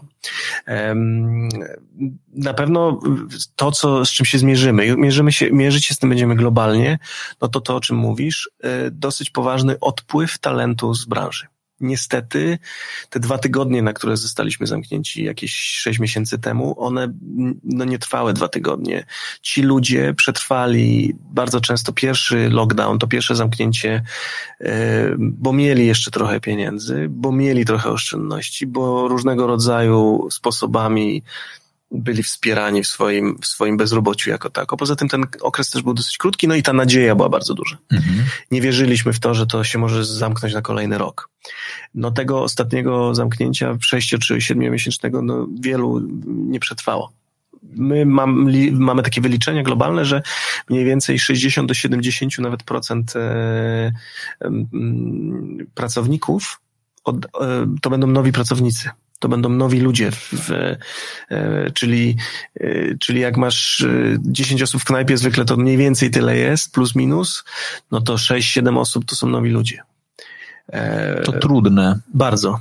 To, to gigantyczne wyzwanie również dla naszej tej takiej edukacyjnej części, mhm. tam gdzie trzeba będzie wesprzeć właśnie dobrym treningiem, przyszkalającym, przysposabiającym, przy, mm, powodującym, że będzie łatwiej, rozpocząć ten rozruch. Bo, No nie no, czekaj, ale po, nie, bo ja bym chciał to pokazać. Ty zaczynałeś w pracy za barem. tak. Ilu było nowych osób, jak ty przyszedłeś do baru? W tym miejscu, w którym ty pracowałeś, ile było jednocześnie przyjętych nowych pracowników versus starych? No to, to tam idziemy w 10-15%, a nie 60%. No właśnie o tym mówię, tak? Znaczy, że generalnie miałeś szansę mieć swojego starszego kolegę, Tak. który stał koło ciebie i Naszych mówił, kolegów nawet. nawet starszych trzech, którzy Tak. mówili, dobra, słuchaj, tu jest trudniejsze zamówienie, robię Tak, sam, tu tak, jest prostsze, tak, robię ty, lub też mam trochę więcej czasu, Tak, to popatrzę na ciebie, ty rób. zdecydowanie. Jak masz bar, w którym jest 10 osób, 10 osób za barem, tylko trzy mają duże doświadczenie, a pozostali są trochę przerażeni, znaczy znają nie, nie do końca jeszcze całą kartę, plus y, uczą się cały czas. No nie mają też y, tej finezy Nie, nie, no, nie mają Tak. nie mają szybkości, Tak, tak. nie mają, muszą wprawy. wprawy, muszą odmierzać, a nie, a nie, a nie, a nie lać na, na liczenie i tak dalej, i tak dalej. No to, no, to, to No i plus po drugiej stronie mają e, wygłodniałe, wygodniałego klienta. wygodniałego klienta, który półtorej roku siedział w domu i nie mógł wyjść do knajpy. E, który, który potrzebuje tej samej jakości, którą miał w miejscu swoim ulubionym, w swoim superbarze albo w super restauracji, e, która ciągle ma ten sam e, Szyld. szyld, e, a niekoniecznie pod tym szyldem kryje się to, co zostawione zostało półtorej czy rok temu. E, Więc bardzo trudna sytuacja dla, dla branży. Na pewno to, co trzeba będzie robić, to e, wspierać, e, wspierać te miejsca sprawdzonymi, dobrymi, prostymi rozwiązaniami. Ludzie, którzy dzisiaj, my wszyscy, którzy wyjdziemy dzisiaj z, z domu do baru, będziemy przede wszystkim chcieli się spotkać z drugim człowiekiem. Będziemy chcieli na nowo odświeżyć te wszystkie towarzyskie historie. Będziemy się chcieli spotykać, spotykać, spotykać. I dobrze się napić, dobrze zjeść, dobrze spędzić czas przy pomocy tych różnych elementów. Więc to jest to, co bary będą musiały dać. A my, wspierający branżę, będziemy podpowiadać takie rozwiązania. Proste, sprawdzone, smaczne, szybkie w przygotowaniu, nieskomplikowane, bo ten, ten, ten, to lato będzie e, szalone, jeśli się uda bez lockdownu, bez zamknięcia, to ono będzie szalone z punktu widzenia ruchu. No i będzie też takim wyzwaniem w kontekście tej oferty. Więc ta oferta powinna być, ja sobie tak to wyobrażam, e, e, prosta, szybka, łatwa, przyjemna, smaczna na maksa, jednocześnie taka, która nie będzie wymagała e, no, takiej, takiej wirtuozerii w tworzeniu, jaką zostawiliśmy półtora roku temu. No bo my wszyscy czekamy na to, żeby z naszych nieumiejętnych domowych historyjek barowych dla, i serwowania nieumiejętnie koktajlu dla dwóch, trzech naszych trojga znajomych, którzy wpadali do nas, kiedy mogliśmy, no to chcemy jednak e, tego serwisu, tej jakości, tej, tej wirtuozerii trochę też, ale też tego smaku, tego podania, tych, tych czarów, tej magii, którą zostawiliśmy w naszym superbarze, który cały czas ma ten szyld z półtorej roku temu, czy tam rok, tak? No więc trzeba będzie ten, ten proces maksymalnie przyspieszyć. A zaraz, a zaraz obok tego procesu jeszcze pójdzie e, euro, tak? Czyli jakby doda- dodatkowe emocje jeszcze jakby związane z tym, Tak. żeby usiąść w ogródku, zobaczyć na wystawionym e, monitorze, telebimie, ekranie mecz i, i jeszcze dodatkowo jakby to, to, to, to wszystko w, w, wplatać emocje i, e, i wszystkie rzeczy z tym związane. Ładny Euro, olimpiada, Później olimpiada, tak, dokładnie tak. szalone lato, e, e, no totalne wygłodnia, wy, taki głód po prostu wrażeń, e, tych sytuacji towarzyskich, tych, e, tego smaku, którego nie mieliśmy przez, te, la- przez ten cały rok, czy tam od późnego lata zeszłego roku. Dużo się będzie działo. To jest duże wyzwanie dla, dla wszystkich nas w, w branży. Bardzo, bardzo, bardzo duże, ale jesteśmy też wiesz, to jest to, co ty powiedziałeś, że mm, e, rozmawiałeś z kimś, kto mówi o tym, że do tej fotowoltaiki przyszło bardzo dużo ludzi z branży. To tylko świadczy o tym, jak bardzo mm, e, przystosowalni jesteśmy do tego, co e, nam świat i życie przynosi. Jak bardzo łatwo jesteśmy w stanie, wiesz, się przebranżowić, przegrupować, zrobić taki regrouping w, w głowie i, i, i zająć się e, czymś nowym. I jednocześnie myślę, że bardzo dużo, niestety, e, duży odsetek ludzi, którzy byli w branży, nie wrócą, no bo, e, bo nie wiedzą, co stoi za rogiem, co czeka na nas. Nie wiedzą, czy ten koniec lockdownu to jest faktyczny koniec, czy on znowu będzie do września, a potem odpali jakaś raca nie, nie, nieszczęsna, e, chorobowa, covidowa i trzeba będzie się znowu zamykać. A ci ludzie już mają prawdopodobnie za dużo do stracenia. Rodziny, kredyty, bo wiesz, to też jest trochę tak, że my przez ostatnie kilkanaście lat podróżując po świecie, rozmawiając z ludźmi, którzy pracują w barach, staraliśmy się przekazać wiele różnych informacji, czyli wiele różnych filozofii. Jedną z nich było, e, my mamy takie powiedzenie w branży mhm. E, z języka angielskiego, jest takie powiedzenie, gdzie rodzic pyta syna, when are you gonna get the proper job? Tak? Mhm. Czyli ten proper job to oczywiście nie jest pra, praca w, w, w, w gastronomii tak zwanej. My przez ostatnie kilkanaście lat, my mówię o sobie i moich kolegach e, na świecie i w Polsce przede wszystkim, e, próbowaliśmy, e, myślę, że z dobrym skutkiem już w pewnym momencie, przekonać ludzi z branży, ludzi, którzy pracują w gastronomii, że to jest ten proper job. Mhm. Że możesz żyć, mieć normalne życie, pracując w gastronomii, że to jest fajna branża do tego, żeby, żeby z, z normalnie funkcjonować. No i to jest trochę, to, to, znaczy w ogóle jakby wybiegłeś w kierunku, do, do którego ja chciałem pójść, znaczy, bo jest taka rzecz, o której ja pewnie często e, przypominam, ja 20, no, to takim no, lekkim kawałkiem lat temu, e, dużym kawałkiem, zaczynałem swoją pracę taką pierwszą zawodową, ja pracowałem w Orbisie wtedy, w Orbis SA, oddział Hotel Poseidon w Trójmieście. O proszę. E, Znam dobrze. No, no proszę bardzo, ale chcę powiedzieć o jednej rzeczy, dokładnie o barmanach, którzy tam byli, tak? I że to byli naprawdę dojrzali panowie. I to byli no, goście, którzy hua, umieli opowiedzieć fantastyczne historie mhm. i byli zawsze, wiesz, jakby no taką definicją najwyższej, najwyższej kultury, tak? Później nie, jak patrzymy na e, trójmiejskich e, barmanów, no to nie, masz Spatif i no i pana Wojtka, tak? I jakby, i, i to jest i, i legendy, tak? Mhm. A z drugiej strony, jakbyśmy pewnie wyszli z sądą uliczną, tak? Dla kogo jest zawód barman?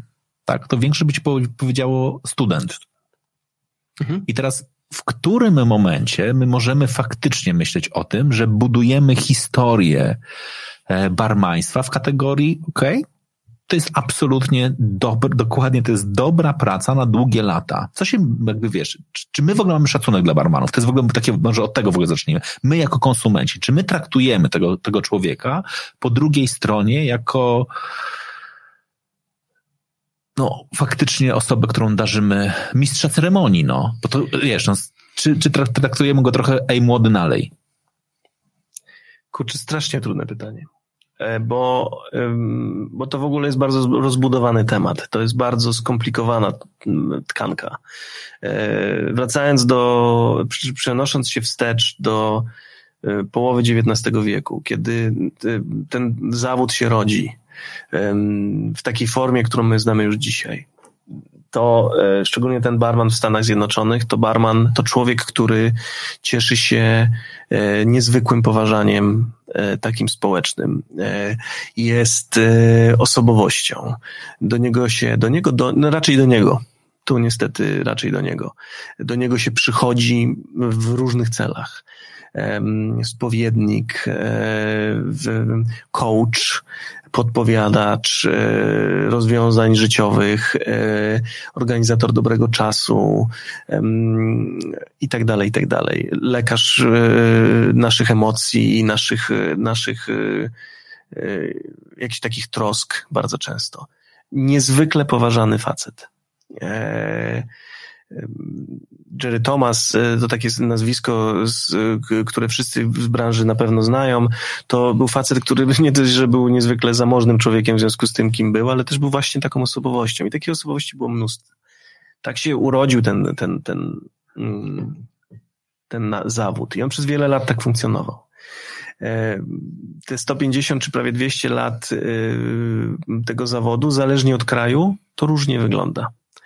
E, faktycznie, że to trochę mam wrażenie, że my lata 70., 80., 90. trochę, my sami żeśmy sprowadzili e, zawód barmana do takiego poziomu e, braku szacunku. Ja pamiętam swój początek w, w, latach, jeszcze jak byłem na studiach w Polsce, ja skończyłem hotelarstwo i, i turystykę i, i, miałem dosyć duży kontakt z branżą, a potem zacząłem pracować na, na, za barem, no to pamiętam jak bardzo yy, jak bardzo niepoważne było to zajęcie w głowach tych, którzy się nim zajmowali. E, bardzo odmłodnione, w sensie już tych takich ludzi, o których mówiłeś, tych takich starych, w pozytywnym tego znaczeniu, barmanów, e, kelnerów było coraz mniej to też jest czas, te lata 80., 90., kiedy ten rozwój branży jest dynamiczny bardzo. W mhm. związku z tym też bardzo trudno było nadążyć, y, wiesz, no, y, z, z ludźmi, którzy mogli, z pracownikami. Mm, no i, i przez wiele lat to faktycznie bywa, bywało tak różnie, no, że my, że my sami traktowaliśmy branżę w trochę taki sposób, że no, ja jestem najlepszym tego przykładem. Ja pojechałem do Londynu y, po to, żeby pracować za barem, nie dlatego, że ja chciałem być barmanem w życiu, tylko dlatego, że ja potrzebowałem dobrego zajęcia, które da mi szybką gotówkę, hmm. które spowoduje, że będę miał życie, pracę, które będę mógł zostawić w momencie, w którym już będę gotowy na to. A dawałem sobie rok. To, to taka jest moja historia. Y, ja nie pojechałem do Londynu pracować w, w, nie wiem, w szpitalu, chociaż też mogłem, bo takie mam jedno z wykształceń i doświadczeń życiowych. Nie poszedłem do kancelarii, etc., etc., etc., tylko poszedłem do branży, z której mogłem wyjść. Tak. Mhm. Wyjść, zostawić, zapomnieć. Mnóstwo takich historii jest, pewnie miliony, jeśli nie więcej. No i, i potem my sami zrozumieliśmy, że jeżeli my nie będziemy pracować nad tym, żeby jednak odwrócić ten trend, żeby powiedzieć, że to jest ten proper job, że można normalnie żyć, że można mieć e, e, że można mieć mieszkanie kupione w mhm. normalnym kredycie, e, bo tak to się dzisiaj odbywa, że można mieć rodzinę, można mieć dzieciaki, te dzieciaki mogą chodzić do szkoły, można żyć w, i tak dalej, normalnie funkcjonować, no to, to się wszystko jak domek z kart rozsypie, bo my będziemy cały czas, przepraszam za kolokwializm, mielić nową tkankę, nowych ludzi, którzy będą wchodzić, wychodzić, wchodzić, wychodzić, wchodzić, wychodzić. Zbuduj biznes, ty robisz biznes od lat Wiesz, jak bardzo istotne są, jest fundament e, takiej ciągłości, konsekwencji w budowaniu tego. Zbuduj biznes w oparciu o e, ja wychodzę z założenia i, jestem przekonany o tym, że najważniejszym elementem, sorry za słowo i to nie jest e, pejatywne, elementem całego biznesu gastronomicznego jest człowiek. człowiek. Bez niego możesz mieć wszystko, co sobie wymarzysz w knajpie, czy w swoim lokalu. Możesz mieć piękne światła, fantastyczną muzykę, genialne driny, przepiękny bar yy, i tak dalej, i tak dalej. Nie będziesz miał człowieka, który to wszystko ogarnie, poda, opowie historię, spowoduje, że człowiek nie tylko przyjdzie do tych twoich, bo pierwszy raz przyjdziesz do tych świateł, do tego hmm. baru, do tej reklamy w internecie i tak dalej, i tak dalej, ale żeby wrócić, to potrzebujesz człowieka. Musisz mieć ten, ten pomost.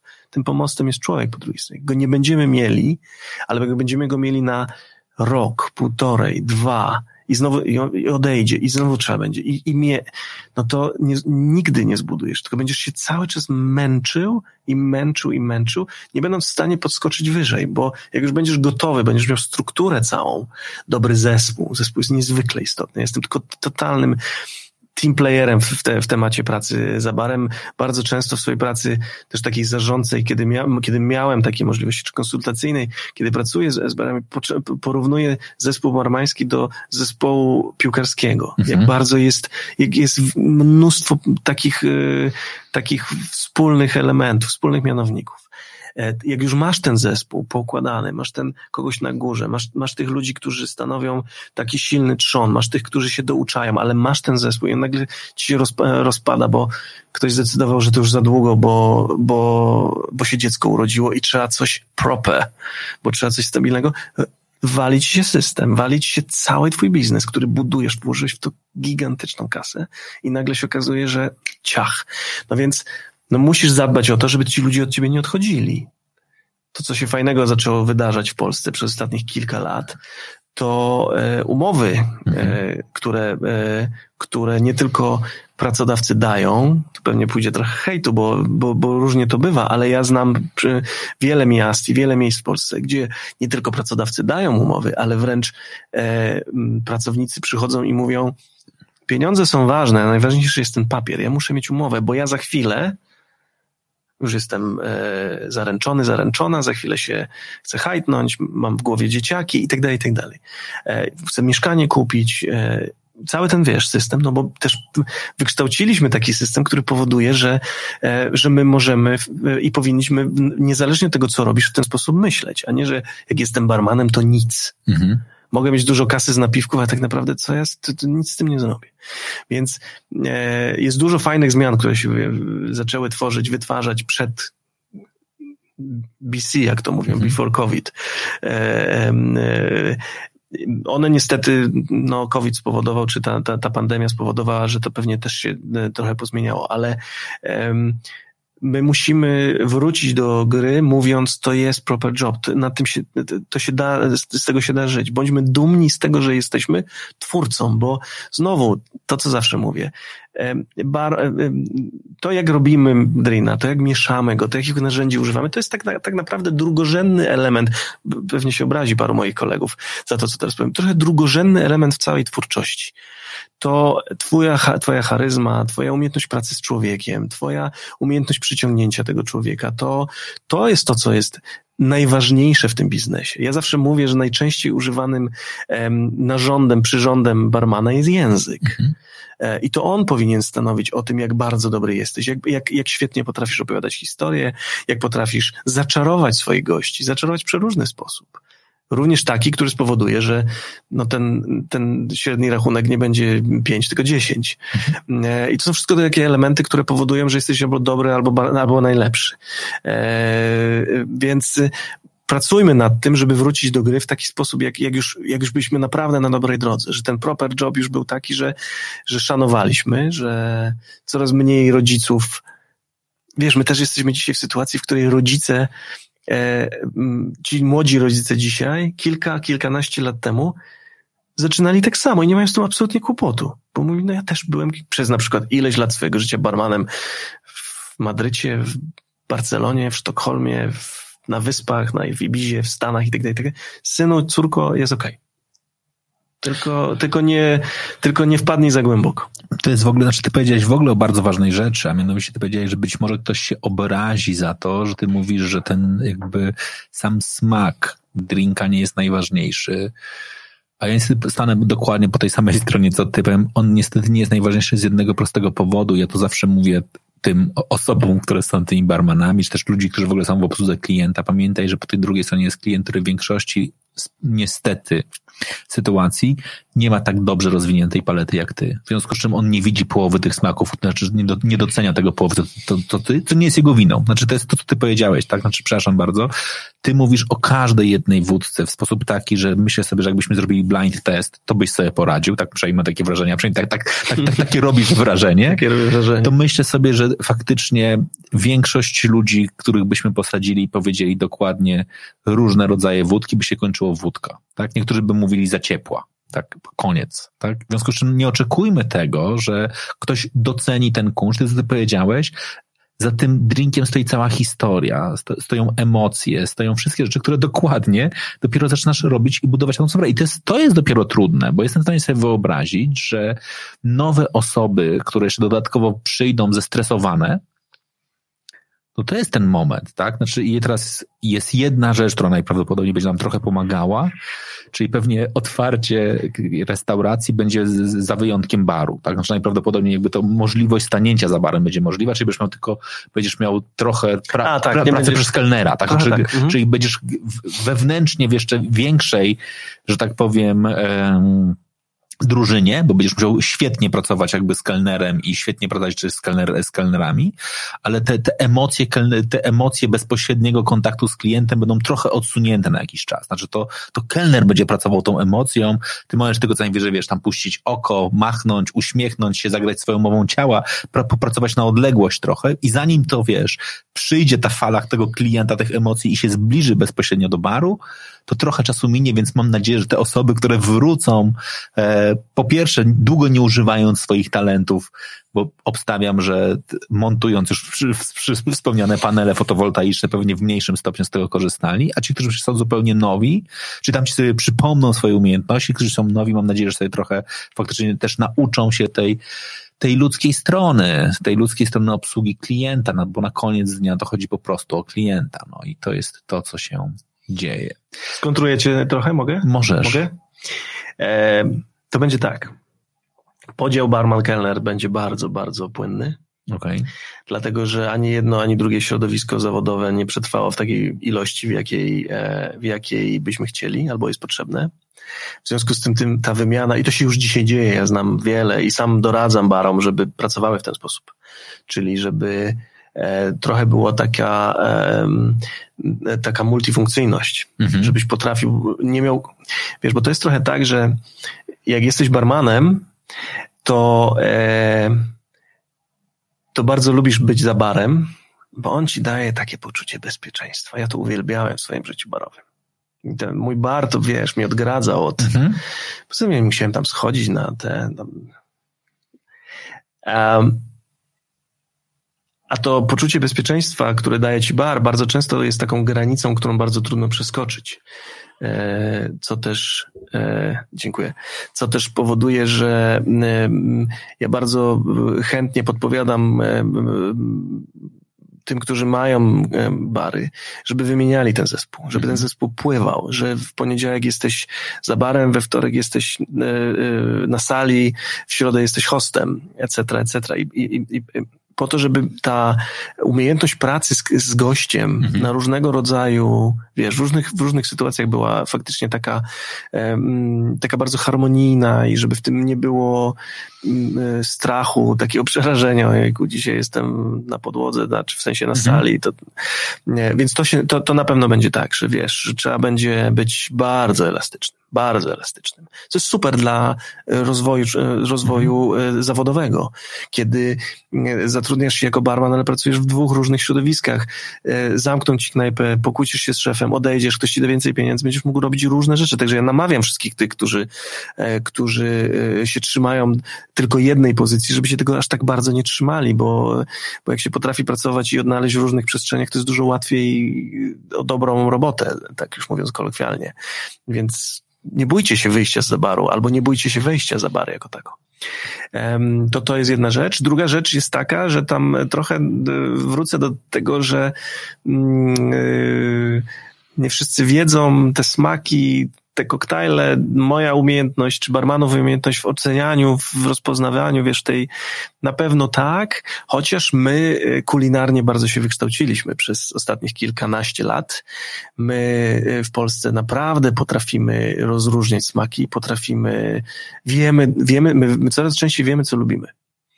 E, coraz częściej, coraz, coraz częściej wiemy, czego chcemy. E, również w kontekście smaku, e, co, o co nam chodzi, czego potrzebujemy, aczkolwiek ciągle jest tak, że duży odsetek ludzi, którzy przychodzi do, szczególnie do baru, nie zawsze ma mm, pełną świadomość tego, czego chce się napić. Dużo nam się łatwiej odnaleźć w restauracji, mhm. przy talerzu. Mhm. Tu już jest w zasadzie, rzadko się zdarza tak, nie wiem, mhm. wiem, wiem, co chcę jeść, wiem, jak, wiem, jaki jest, wiem, pora dnia i albo co jadłem wczoraj, w związku z tym nie powtórzę, etc., etc. Z barem bywa trochę trudniej, no bo jest w tym jakaś taka alchemia, jest w tym taka magia, jest w tym jakieś, jest taki, taki czar, są takie czary w tym, czy czar taki, który powoduje, że trochę tak się zastanawiamy, to będzie dobrze, czy jak zamówię, czy jak będzie skomplikowane, to mnie oszukają, czy będzie, czy ja polubię, czy ja się nie wygłupię, bo to jest też gigantyczny psychologiczny aspekt w ogóle zamawiania. E, może lepiej Wiesz, to też jest tak, że, że, że, bardzo często my zamawiamy to, co, z czym się czujemy bezpiecznie, mhm. e, bo, bo po prostu e, jest wiele różnych psychologicznych aspektów, które powodują, że nie wchodzimy w rozwiązania, które są e, dla nas nieznane. Wolimy sobie potestować w domu i potem jak wrócimy albo, albo w małym gronie i wrócić do, do, do, do sytuacji już, już, już bezpieczni. Także ciekawe czasy przed nami, jeśli chodzi o, o to, co w barach i o to, co w restauracjach. Będzie, będzie wesoło, myślę. No dobrze, ale to jest taka jeszcze ostatnia jakby rzecz, jeśli chodzi o pewien rodzaj barów. To jest taka coś, co z perspektywy Warszawy się mocno rozwinęło w czasach, jak to ładnie mówisz, BC, e, czy też przedcovidowych, e, czyli różnego rodzaju shotbary. Mhm. Rosło jak grzyby po deszczu. Znaczy nagle okazało się, zaczęliśmy lubić, no pamiętam, ja jeszcze pamiętam, kiedy był jeden tylko, taki, mhm. ten kultowy. Później się okazało, że tu się pojawił drugi, tu się pojawił ten, tu nawet pan, pan barman przyszedł do drugiego, założył swój i, i ten, i tak dalej, i tak dalej, i tak dalej. Na czym polega idea w ogóle z twojej perspektywy takich miejsc?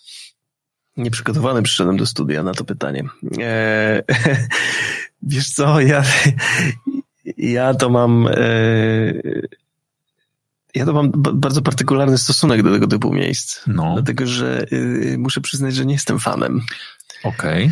Bo one kultywują dosyć e, dla mnie niefajną tradycję konsumpcji. Mm-hmm. Oczywiście zrobione w dobry sposób. Dobre, bo rozmawiamy o, tego, o, mm-hmm. o knajpach typu zakąski, przekąski tak tego typu. Zrobione w dobry sposób, podane w dobrej, w dobry, w dobrej atmosferze, podane, podane, podane fajnie, mm-hmm. z dobrym faktycznie jedzeniem i z całym tym rytuałem, który pewnie chcielibyśmy sobie przypomnieć e, słynną restaurację w, w w hotelu europejskim przed mhm. laty mhm. Mm, e, u kucharzy, gdzie, gdzie, ten, gdzie ten rytuał tego takiego przedwojennego albo takiego mhm. e, śródkomunistycznego, za przeproszeniem, konsumowania alkoholu, jedzenia był, był naprawdę taki szlachetny. Było, Była w tym jakość, było, było w tym, była w tym ciekawość, to było super atrakcyjne, był w tym taki sznyt, to było to naprawdę, to ja pamiętam, przyjeżdżałem do hotelu europejskiego jeszcze nie mieszkając w Warszawie, tylko gdzieś, no i to było jedno z miejsc, do którego się chodziło, bo, bo chciałem poczuć ten, ten, y, y, no te, te shotbary, te zakąski, przekąski potrafią być podawane w sposób, który nie jest szczególnie atrakcyjny, wręcz kultywuje taką dosyć yy, no nieelegancką formę konsumpcji. Nie jestem fanem, ale aczkolwiek muszę przyznać, że jest to coś, co fascynuje mnie z punktu widzenia rozwoju biznesu, rozwoju branży, że my jednak mamy w sobie coś takiego, my Polacy konsumenci, ale nie tylko, bo to bardzo pięknie e, e, trafiający w gusta międzynarodowe e, mhm. koncept, że, e, że to takie niezobowiązujące, to takie bardzo bezpośrednie spotkanie z, e, z, z alkoholem, z, z jedzeniem i to połączenie jest, ono daje nam takie poczucie bezpieczeństwa. Znowu wracamy do tego, co jest niezwykle istotne w ogóle w wychodzeniu z domu i, i, i, i, i trafianiu do, do, do, do gastronomii czy do lokali. To poczucie bezpieczeństwa jest, jest bardzo ważne i te, i, i te shotbary, jak je nazywasz, one dają nam takie, bo to jest takie niezobowiązujące, jest dużo ludzi zwykle, trochę się zgubię w tłumie. Poza tym to jest takie, że oferta jest tak skrojona, że ją każdy rozumie. Tam nie ma, tam się nie wywrócisz. Wiesz, no, jest śledź, jest ryba, e, śledź i ryba, jest, jest mięso, jest tatar, pewnie jakieś nóżki, jakiś serek, coś tam i, i to, i to gra. I jak, nie ma się gdzie pogubić, nie ma się gdzie wygłupić, nie ma się gdzie e, nie zrozumieć samym sobą jako tako. Do tego jest wódka, znowu bardzo często podawana w tym, godzinę temu rozmawialiśmy o tej temperaturze i to, i to byśmy musieli wrócić do tego nie zawsze idealny sposób, czyli bardzo często podawana bardzo, bardzo zimna, jeśli nie zmrożona. Więc no, a z drugiej strony to jest taki, taki, taka odnoga biznesu, która się niezwykle, ty to nazwałeś z imienia nazwiska, jak grzyby po deszczu. No ja mhm. pamiętam, że kiedyś e, przeszedłem Piotrkowską kilka dobrych lat temu i je policzyłem, już nie pamiętam mhm. ile ich naliczyłem, ale to tam szło w dwadzieścia kilka, jeden obok drugiego.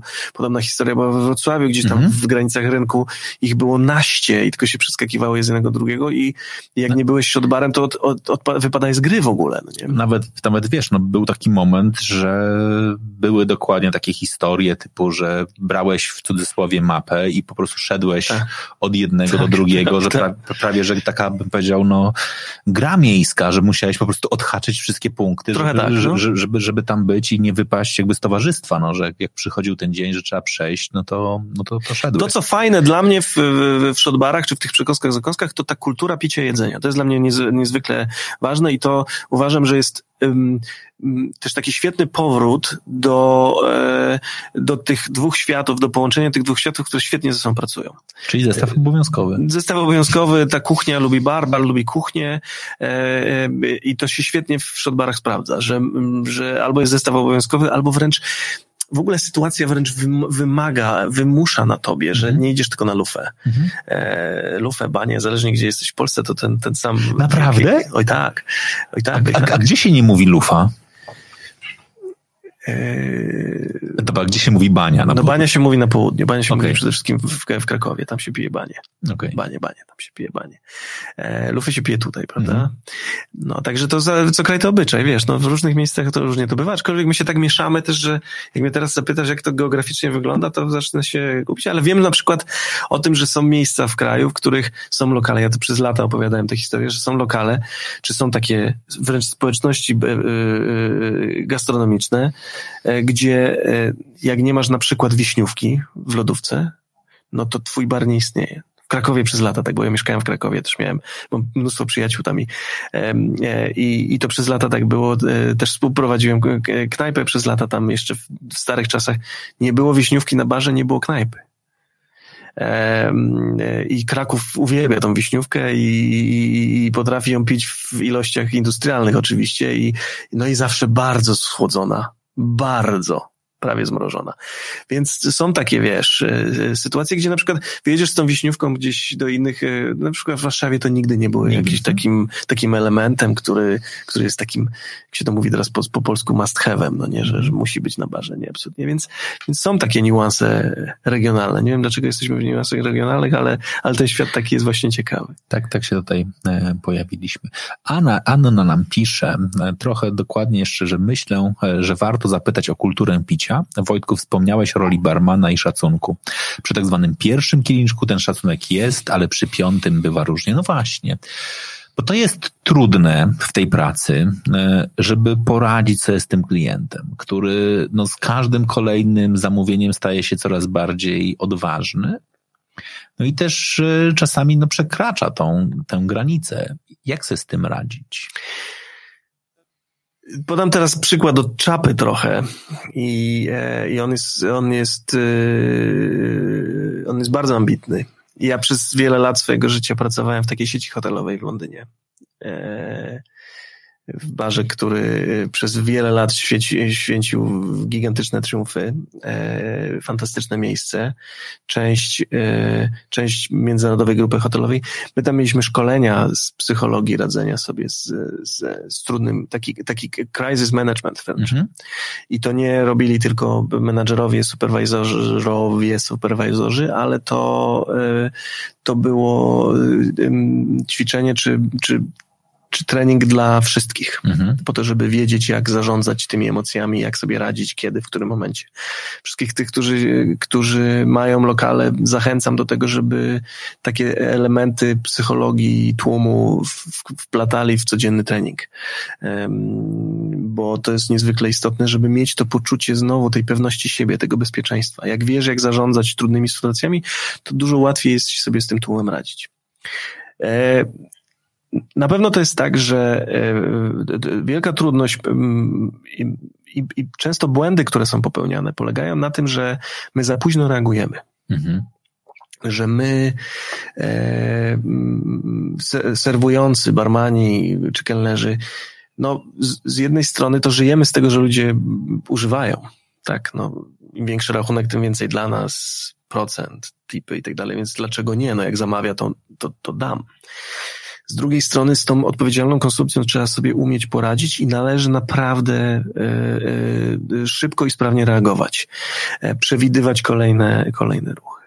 Świetnym elementem, świetnym sposobem na to, żeby radzić sobie, to jest taki niezwykle podprogowy i wręcz niezauważalny dla konsumenta czy dla gościa sposób, to jest podawanie wody w trakcie konsumpcji alkoholu. To jest świetny sposób dlatego że on powoduje, że my dużo łatwiej i bezpieczniej przyjmujemy alkohol. E, taka klasyczna teoria, zasada praktykowana na całym świecie to e, jedna porcja alkoholu, e, jedna szklanka wody. Rozcieńczajcie się, pijcie wodę, dostarczajcie tych minerałów, które, które alkohol też potrafi wypłukiwać. Dużo łatwiej jest to jest taka win-win situation znowu. Każdy wygrywa. Mhm. My wygrywamy dlatego, że mamy mniej kłopotów. My jako e, dostaw, jako e, restaurator, czy jako, mhm. jako zarządzający, mamy mniej kłopotów. Mamy, mamy, mamy bardziej kulturalne towarzystwo. Kulturalne towarzystwo ściąga kulturalne towarzystwo. A to kulturalne towarzystwo, które ściągnęło kulturalne towarzystwo, ono będzie ściągać dalej. I ta wieś się niesie. To jest super, dlatego że e, my mamy coraz więcej nie tylko kulturalnych, ale też kulturalnie zarobionych, za przeproszeniem, mhm. ludzi, czy, czy zamożnych ludzi, którzy szukają takiego miejsc. Miejsc, w których jest kultura spożycia, w których nikt nie, e, nie, rzuca krzesłami, nie rozbija szklanek, jest kulturalnie, jest spokój, jest cisza. Szklanka wody ma magiczne E, magiczny wpływ na zarządzanie e, w ogóle konsumpcją i tym, co się dzieje dookoła. My wygrywamy dlatego, że mamy mniej problemów, wygrywamy, bo przychodzi do nas więcej ludzi, e, wygrywamy dlatego, że ta szklanka wody, co, co porcji alkoholu czy co dwie powoduje, że paradoksalnie też nasz organizm potrafi łatwiej i więcej nawet częściej przyjąć, no bo, bo jak się nie, jak nie używamy tego prostego sposobu, no to ten nasz organizm ma, e, ja oczywiście nie jestem specjalistą w tego typu sprawach, więc proszę mnie nie cytować, ale no z natury rzeczy wiem, że im e, jak nie jest, jak, jak się nie wspieram właśnie przekąskami, jedzeniem, czy, czy tą wodą, która jest, no to, to dużo łatwiej e, ten alkohol mnie pacyfikuje. Wykańcza. Wykańcza jako tako. E, no i, i co najważniejsze, gość, który, któremu podprogowo między wierszami podlewamy go wodą, mówiąc tak brutalnie, na drugie kolejnego poranka się budzi, mówi super miejsce. Super miejsce, bo budzę się i, i się dobrze czuję, bo no bo ten stan, e, wiesz, je, je, je, dużo lepiej się czuje. Także woda jest magicznym sposobem na to, żeby, żeby móc sobie radzić z różnego rodzaju trudnymi sytuacjami. Do nich dochodzi, dochodzi będzie zawsze. Alkohol no jest takim, takim elementem zmiennym. Ja byłem zawsze nauczony, w, pracując, e, pracując w, za granicą, e, takiej bardzo prostej zasady być, bądź proaktywny, a nie reaktywny. Hmm. Czyli przewiduj, a nie reaguj. Reakcja jest zawsze spóźniona. Zawsze. Reagowanie na to, co się wydarzyło już, jesteś zawsze krok za. Jak jesteś krok, ra, krok za, to za chwilę będziesz dwa, trzy, cztery, pięć, za późno. Przewiduj. Otwieraj, miej otwarte oczy. Pracuj w, w, w, taki sposób, żeby móc y, rozumieć, co się dzieje. W, zarządzasz tym, wiesz, to jest twój teatr. Mhm. To ty jesteś, ja zawsze to powtarzam, reżyserem, głównym aktorem, scenarzystą, e, trochę też oświetleniowcem, bo to bardzo łatwo też tym zarządzać. Jesteś takim, wiesz, sound providerem trochę też, kompozytorem całej tej, całego wydarzenia, producentem przede wszystkim tej historii. Mm, bo to ludzie, którzy przychodzą do twojego baru, to są, oni przychodzą do ciebie do, do teatru. To jest twoja scena. To ty nią zarządzasz. E, i wszyscy ci, którzy się tego nauczyli, potrafią zarządzać swoją scenę, to wygrywają. E, a wygrywają przede wszystkim dlatego, że ci ludzie do nich wracają, bo czują, że ktoś o nich dba, a nie ich pacyfikuje, albo krzyczy, albo, albo nakazuje, że ja już panu nie sprzedam najłatwiejszym sposobem e, niesprzedawania ludziom alkoholu w, w, w, stanie wskazującym jest niedopuszczanie do tego, żeby byli w stanie wskazującym. Tak? I nie musi, w momencie, w którym nie musisz odmawiać, to wygrywasz. E, zarządzaj tym swoim, tylko to wiesz, no to jest, no to trzeba trochę popracować nad tym. Trzeba, trzeba się trochę, e, trochę pracy włożyć, trzeba, e, trzeba być wytrwałym, trzeba być konsekwentnym. Znowu, jedna z najważniejszych e, takich wartości prowadzenia gastronomii to jest konsekwencja. Jak wybrałeś jakiś kierunek, to idź w nim. Nie, nie, nie, nie, nie, nie, nie łam się, no wiesz, przyjdą trudniejsze momenty, ale bądź konsekwentny. Ta konsekwencja zawsze procentuje, bo ci ludzie, którzy przychodzą do ciebie, to, to będą to doceniać, tą konsekwencję. Ojejku Maciek, no to, to jest doskonały moment na to, żeby postawić kropkę w tym, e, w tym, północ? w tym programie. E, no nie, jeszcze nie. Mamy, mamy jeszcze trochę czasu. Znaczy ja w ogóle tak sobie z tyłu głowy uknąłem, że chciałbym Cię jeszcze raz kiedyś zaprosić, ale już nie będziemy dzisiaj w tym jednym odcinku nas zamęczać tak długo, później będzie to najdłuższy odcinek i, i, i niego nie przebrniecie.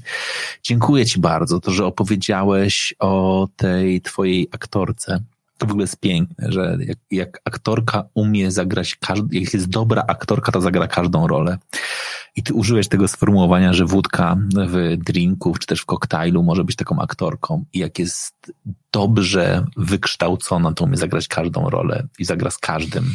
I zdecydowanie tak. I, I co jest w ogóle ważne, i ci, którzy mają pewnie doświadczenia też e, teatralne, to wiedzą, że prawdziwy aktor, prawdziwa aktorka pomoże tym słabszym, początkującym. Ona ich wyciągnie, ona zagra na mhm. nich, ona sprawi, że oni zagrają też swoją fajniejszą rolę. I jak, jak, jak, jak, patrzy, jak sobie dokładnie zacząłem wyobrażać tę dobrą wódkę w, to, w koktajlu, to ona tam wyciągnie tych pozostałych. No tak, powie, pomaga, tak. Ej, pomogę wam trochę, dajcie, dajcie swój smak, aromat. Ale wiesz, to jest, y, to jest w koktajlu to jest jedno, ale z tym jedzeniem to jest druga historia. A to już jest w ogóle piękne. Bo to bo, bo naprawdę potrafi wyciągnąć, naprawdę potrafi pomóc.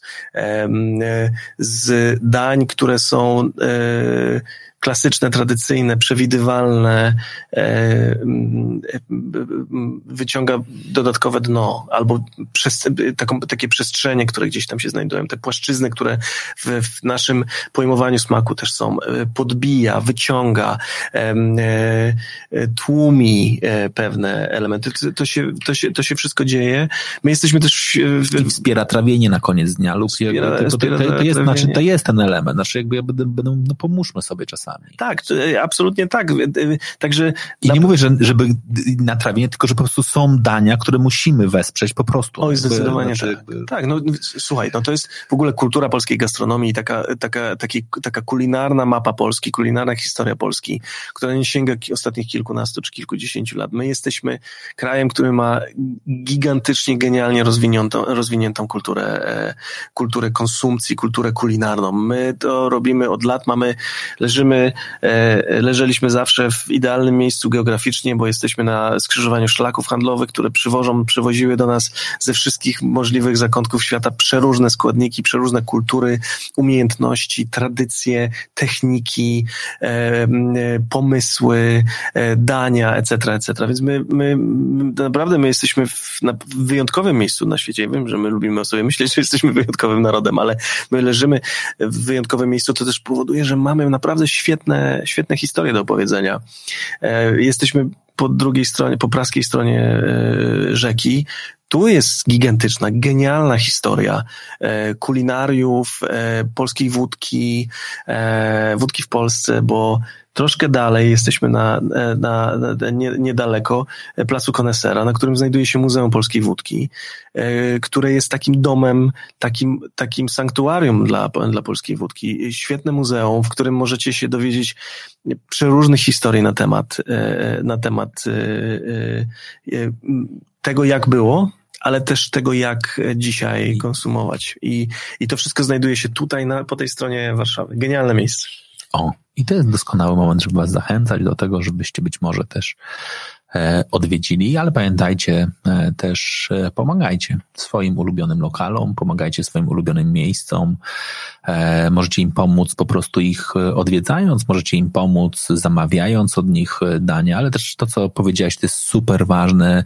Możecie też im pomóc oznaczając ich w mediach społecznościowych, udostępniając, robiąc sobie selfie, że jesteście u nich, mówiąc o nich, po prostu, krótko mówiąc, wspierajmy tą najważniejszą część konsumpcji, czyli gastronomię, bo chodzi o to, żebyśmy nie robili tego tylko w domu, no bo to trochę oczywiście jest fajne, miłe i róbmy to bezpieczne, róbmy to być może w małym, w małym gronie i towarzystwie, przy bezpiecznym małym stoliku, e, ale dajmy też e, tym ludziom się wykazać, pozwólmy im wrócić od montażu.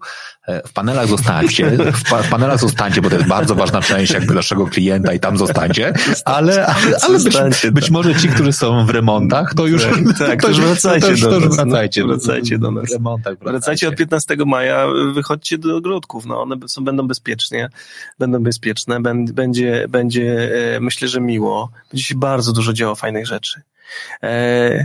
To jest trochę tak jak, ja wiem, że już musimy kończyć ostatnim zdaniem, to co ty mówisz, nie zubożajmy się, za przeproszeniem, e, e, konsumując życie tylko i wyłącznie w czterech ścianach naszego domu. Te, te ogródki za chwilę, te, te restauracje, te knajpy, te lokale, to też jest część naszej fajnej rzeczywistości, gdzie, gdzie się dzieją fajne rzeczy. Za chwilę wrócą teatry, kina i cała sztuka, za którą tęsknimy, eventy, które są nam niezwykle potrzebne, koncerty, wszystko na świeżym powietrzu, ale nie tylko. To jest część nas, my, my to potrzebujemy, więc, więc wspierajmy to, co przed nami, bo, bo ten rok, który za nami był, był, był, był bardzo trudny, a, e, a fotowoltaiki żeśmy założyli przez ten rok bardzo, bardzo dużo, także... To prawda. Także...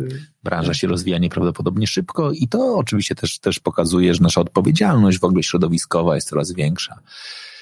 No, to takie o tym pewnie sobie też kiedyś porozmawiamy, ale to już pewnie akurat z tobą mniej. Dobra, dziękuję ci bardzo Maciek. To było naprawdę cudowne zabranie nas e, w podróż. Ja nie wiem, czy ktoś umie ładniej opowiedzieć o tym. O, jest wielu. Naprawdę? O, jest wielu. A ja nie znam nikogo. Ja się uczę, ja się uczę. Ojejku, dziękuję Ci bardzo. A Was oczywiście teraz zapraszam do tego, żebyście też udostępniali tę audycję. Jeżeli słuchacie ją na podcaście, to jest ten moment, żeby też e, oznaczyć, dać kilka gwiazdek, napisać w komentarzu, o czym chcielibyście dalej, e, dalej słuchać. Dzisiaj na przykład dostałem takiego, ta, taką wiadomość e, w wiadomości prywatnej, co była bardzo, za co Ci bardzo dziękuję. Właśnie sprawdzałem, kto ją, kto ją nam napisał, więc już Tutaj e, muszę sprawdzić. Już, już, już, już, już mam. Krystian, Krystian, pozdrawiam cię bardzo serdecznie. Krystian napisał mi, to było bardzo, bardzo miłe. Powiedział, panie Wojtku, dziś po, po raz pierwszy podczas słuchania podcastu się popłakałem, a moja żona twierdzi, że mam serce z kamienia to miłe. Znaczy dla takich, dla takich komentarzy war, warto tworzyć, warto, warto nagrywać, warto sprawiać, że słuchamy. Ja mam takie przekonanie, że po dzisiejszej tej audycji e, kilka osób e, też, e, nie wiem czy się popłaczę, ale na pewno mam nadzieję, że kolejnym razem pójdą na przykład do sklepu i kupią sobie kilka mniejszych butelek. Znaczy zamiast jedną dużą kupią kilka mniejszych i na przykład będą szukali różnic. To byłoby fajne. A po drugie, ja mam nadzieję, że to też będzie, że to każdy z nas, który miał wódkę w tej chwili trzymaną na stałe w zamrażarniku, ją stamtąd wyjmie. I nie powie nikomu o tym, że wyjął i, i że ją to miał. Nie, nie, nie powie, że ją niech zrobi sobie miejsce na teraz na bardzo popularne lody ekipy na przykład, żeby, no żeby, tak. żeby sobie teraz schować do tego zamrażalnika, przetrzymać je trochę i sprzedać jeszcze drożej, choć nie wiem, czy to nie jest teraz ich naj, naj, najlepszy moment, a wódkę w temperaturze pokojowej. I pamiętajcie, to nie musi być 23 stopnie. Tak, nie musi być 23 stopnie. Ja mogę tylko dodać jedną rzecz, bo ty fajnego, ty, ty otworzyłeś jeden temat, mianowicie jakość versus ilość. E, mhm. to jest w ogóle, nie, nie, ja nie pozwolę sobie na to, żeby jeszcze przeciągać, ale. Ale możesz. Ale um, to, co się dzisiaj dzieje, i to jest fajne, to my bardzo powoli, ale to już widzimy takie trendy, że szczególnie, znaczy w ogóle w całej branży alkoholowej, ale w wódce się to już zaczyna dziać, że my coraz częściej sięgamy po mniej, ale lepiej. Czyli wybieramy droższe rozwiązania, bardziej jakościowe, ciekawsze, z fajną historią, e, ale przede wszystkim no, też bezpieczniejsze w kontekście e, organoleptyczno-sensoryczno-doświadczeniowym e, I, i, i może mniej. Ja już widzę też po swoich znajomych, że, że kiedyś żeśmy szli w, w ilość, a dzisiaj to raczej jest, wiesz co, a to może, to może pójdźmy w coś lepszego, okay, będzie mniej, ale będziemy zupełnie inaczej traktować ten alkohol. Cieszyć się nim, degustować, delektować, um, rozmawiać o nim, e, faktycznie pracować nad tą, nad tą um, umiejętnością sensorycznego, um, o, sensorycznej oceny tego, co, co, co przyjmujemy, nie tylko na talerzu, ale też kieliszku. I to jest super fajne, bo to, to, się, to się bardzo fajnie zmienia. Ale to ja muszę z kolei teraz. W takim razie, skoro, skoro ty już wyciągnąłeś historię, to, to ja bym chciał jeszcze jedną historię wyciągnąć, a mianowicie e, wasza gra. Gra z Sokołem. Okej. Okay. Bo to jest piękna, to jest, to jest dla mnie dopiero przepiękna historia, znaczy jak można zbudować doświadczenie wokół, no teraz już wiem, że to nie jest taki prosty produkt, jakim jest e, wódka, ale jakby wkładając tam popkulturę, wkładając tam świat wirtualny, wkładając tam towarzyskość, jak w ogóle się sprzedaje ta gra? Sprzedaje się dobrze, e, nawet bardzo dobrze. E, gra jest e, super nowatorskim e, pomysłem. Właśnie, dobra, to opowiedz, bo jakby ja tak jak ja o niej mówię, bo e, siedzę w tym i trochę wiem, jakby, znaczy siedzę tam, a mówię, a Sokół to zrobił, a to jest genialne, ale to jest, ale to jest cudowne. Aha. Więc trochę wiem o co chodzi. Możesz opowiedzieć w ogóle, jaka jest, jakby jaka jest koncepcja? Koncepcja jest taka, że my e, z marką wyborowa, czyli z jedną z moich głównych aktorek, z którą, z którą pracuję i się bujam po świecie.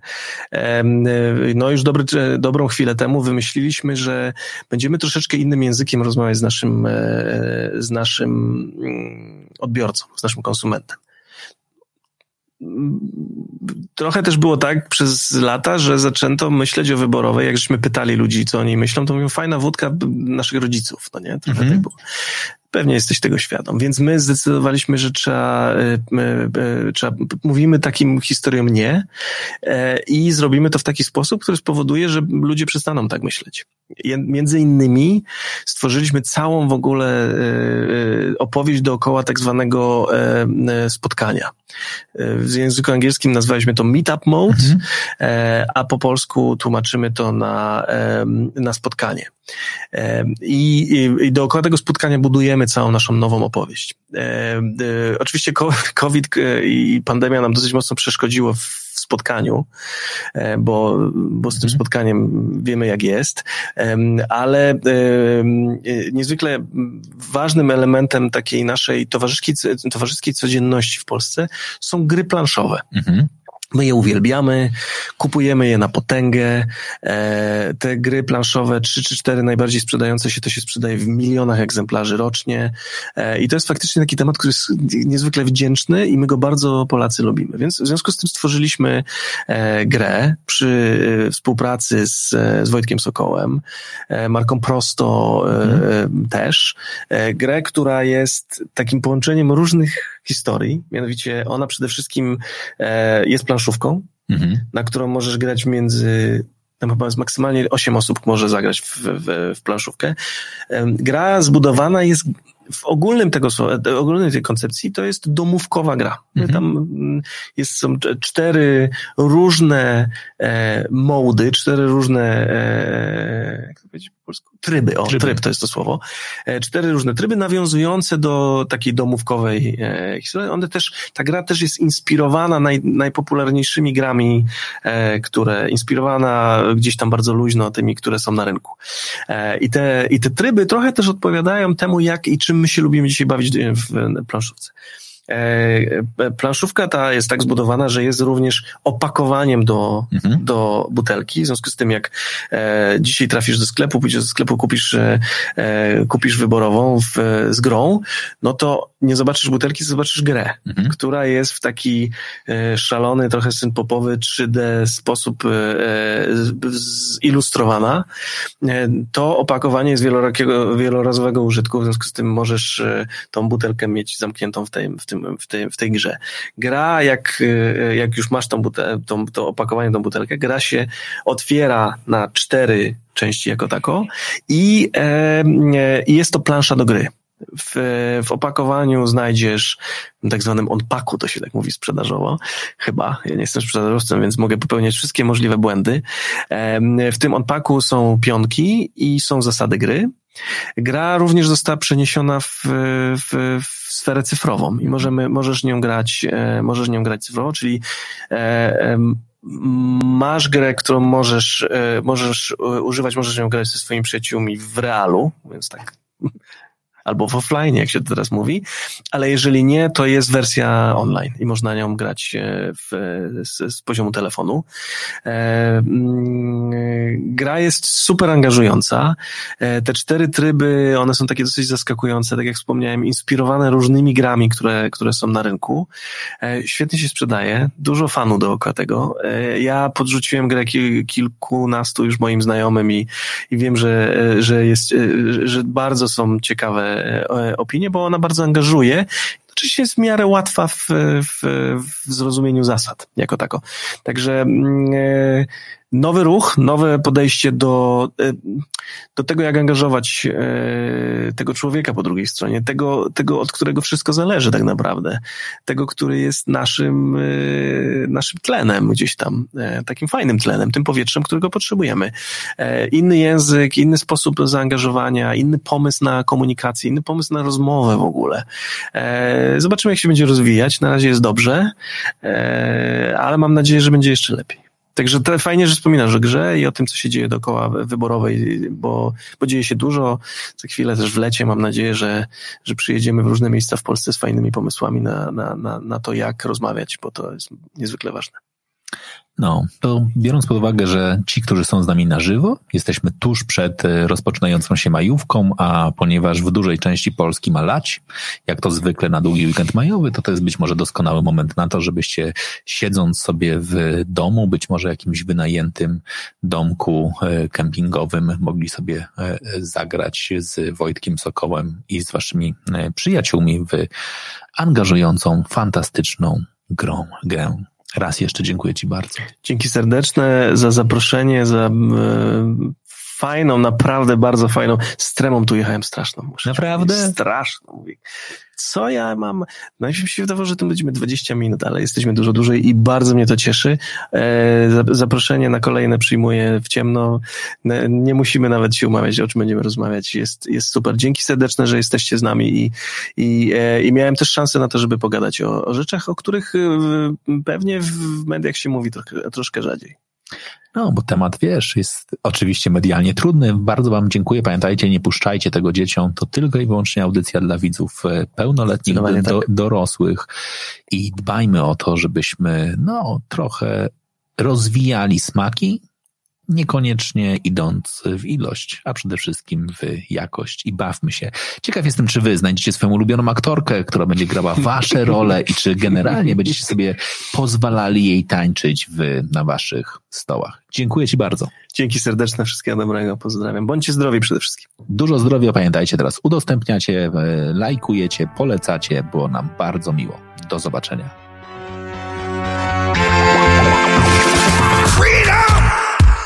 So fresh, so new. Freedom! It's all for you. All for you. Freedom!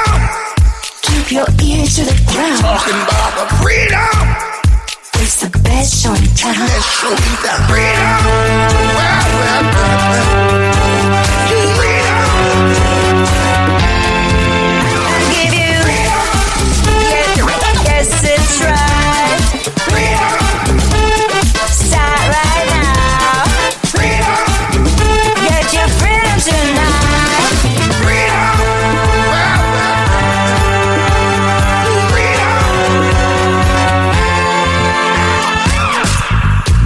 Come on, everybody.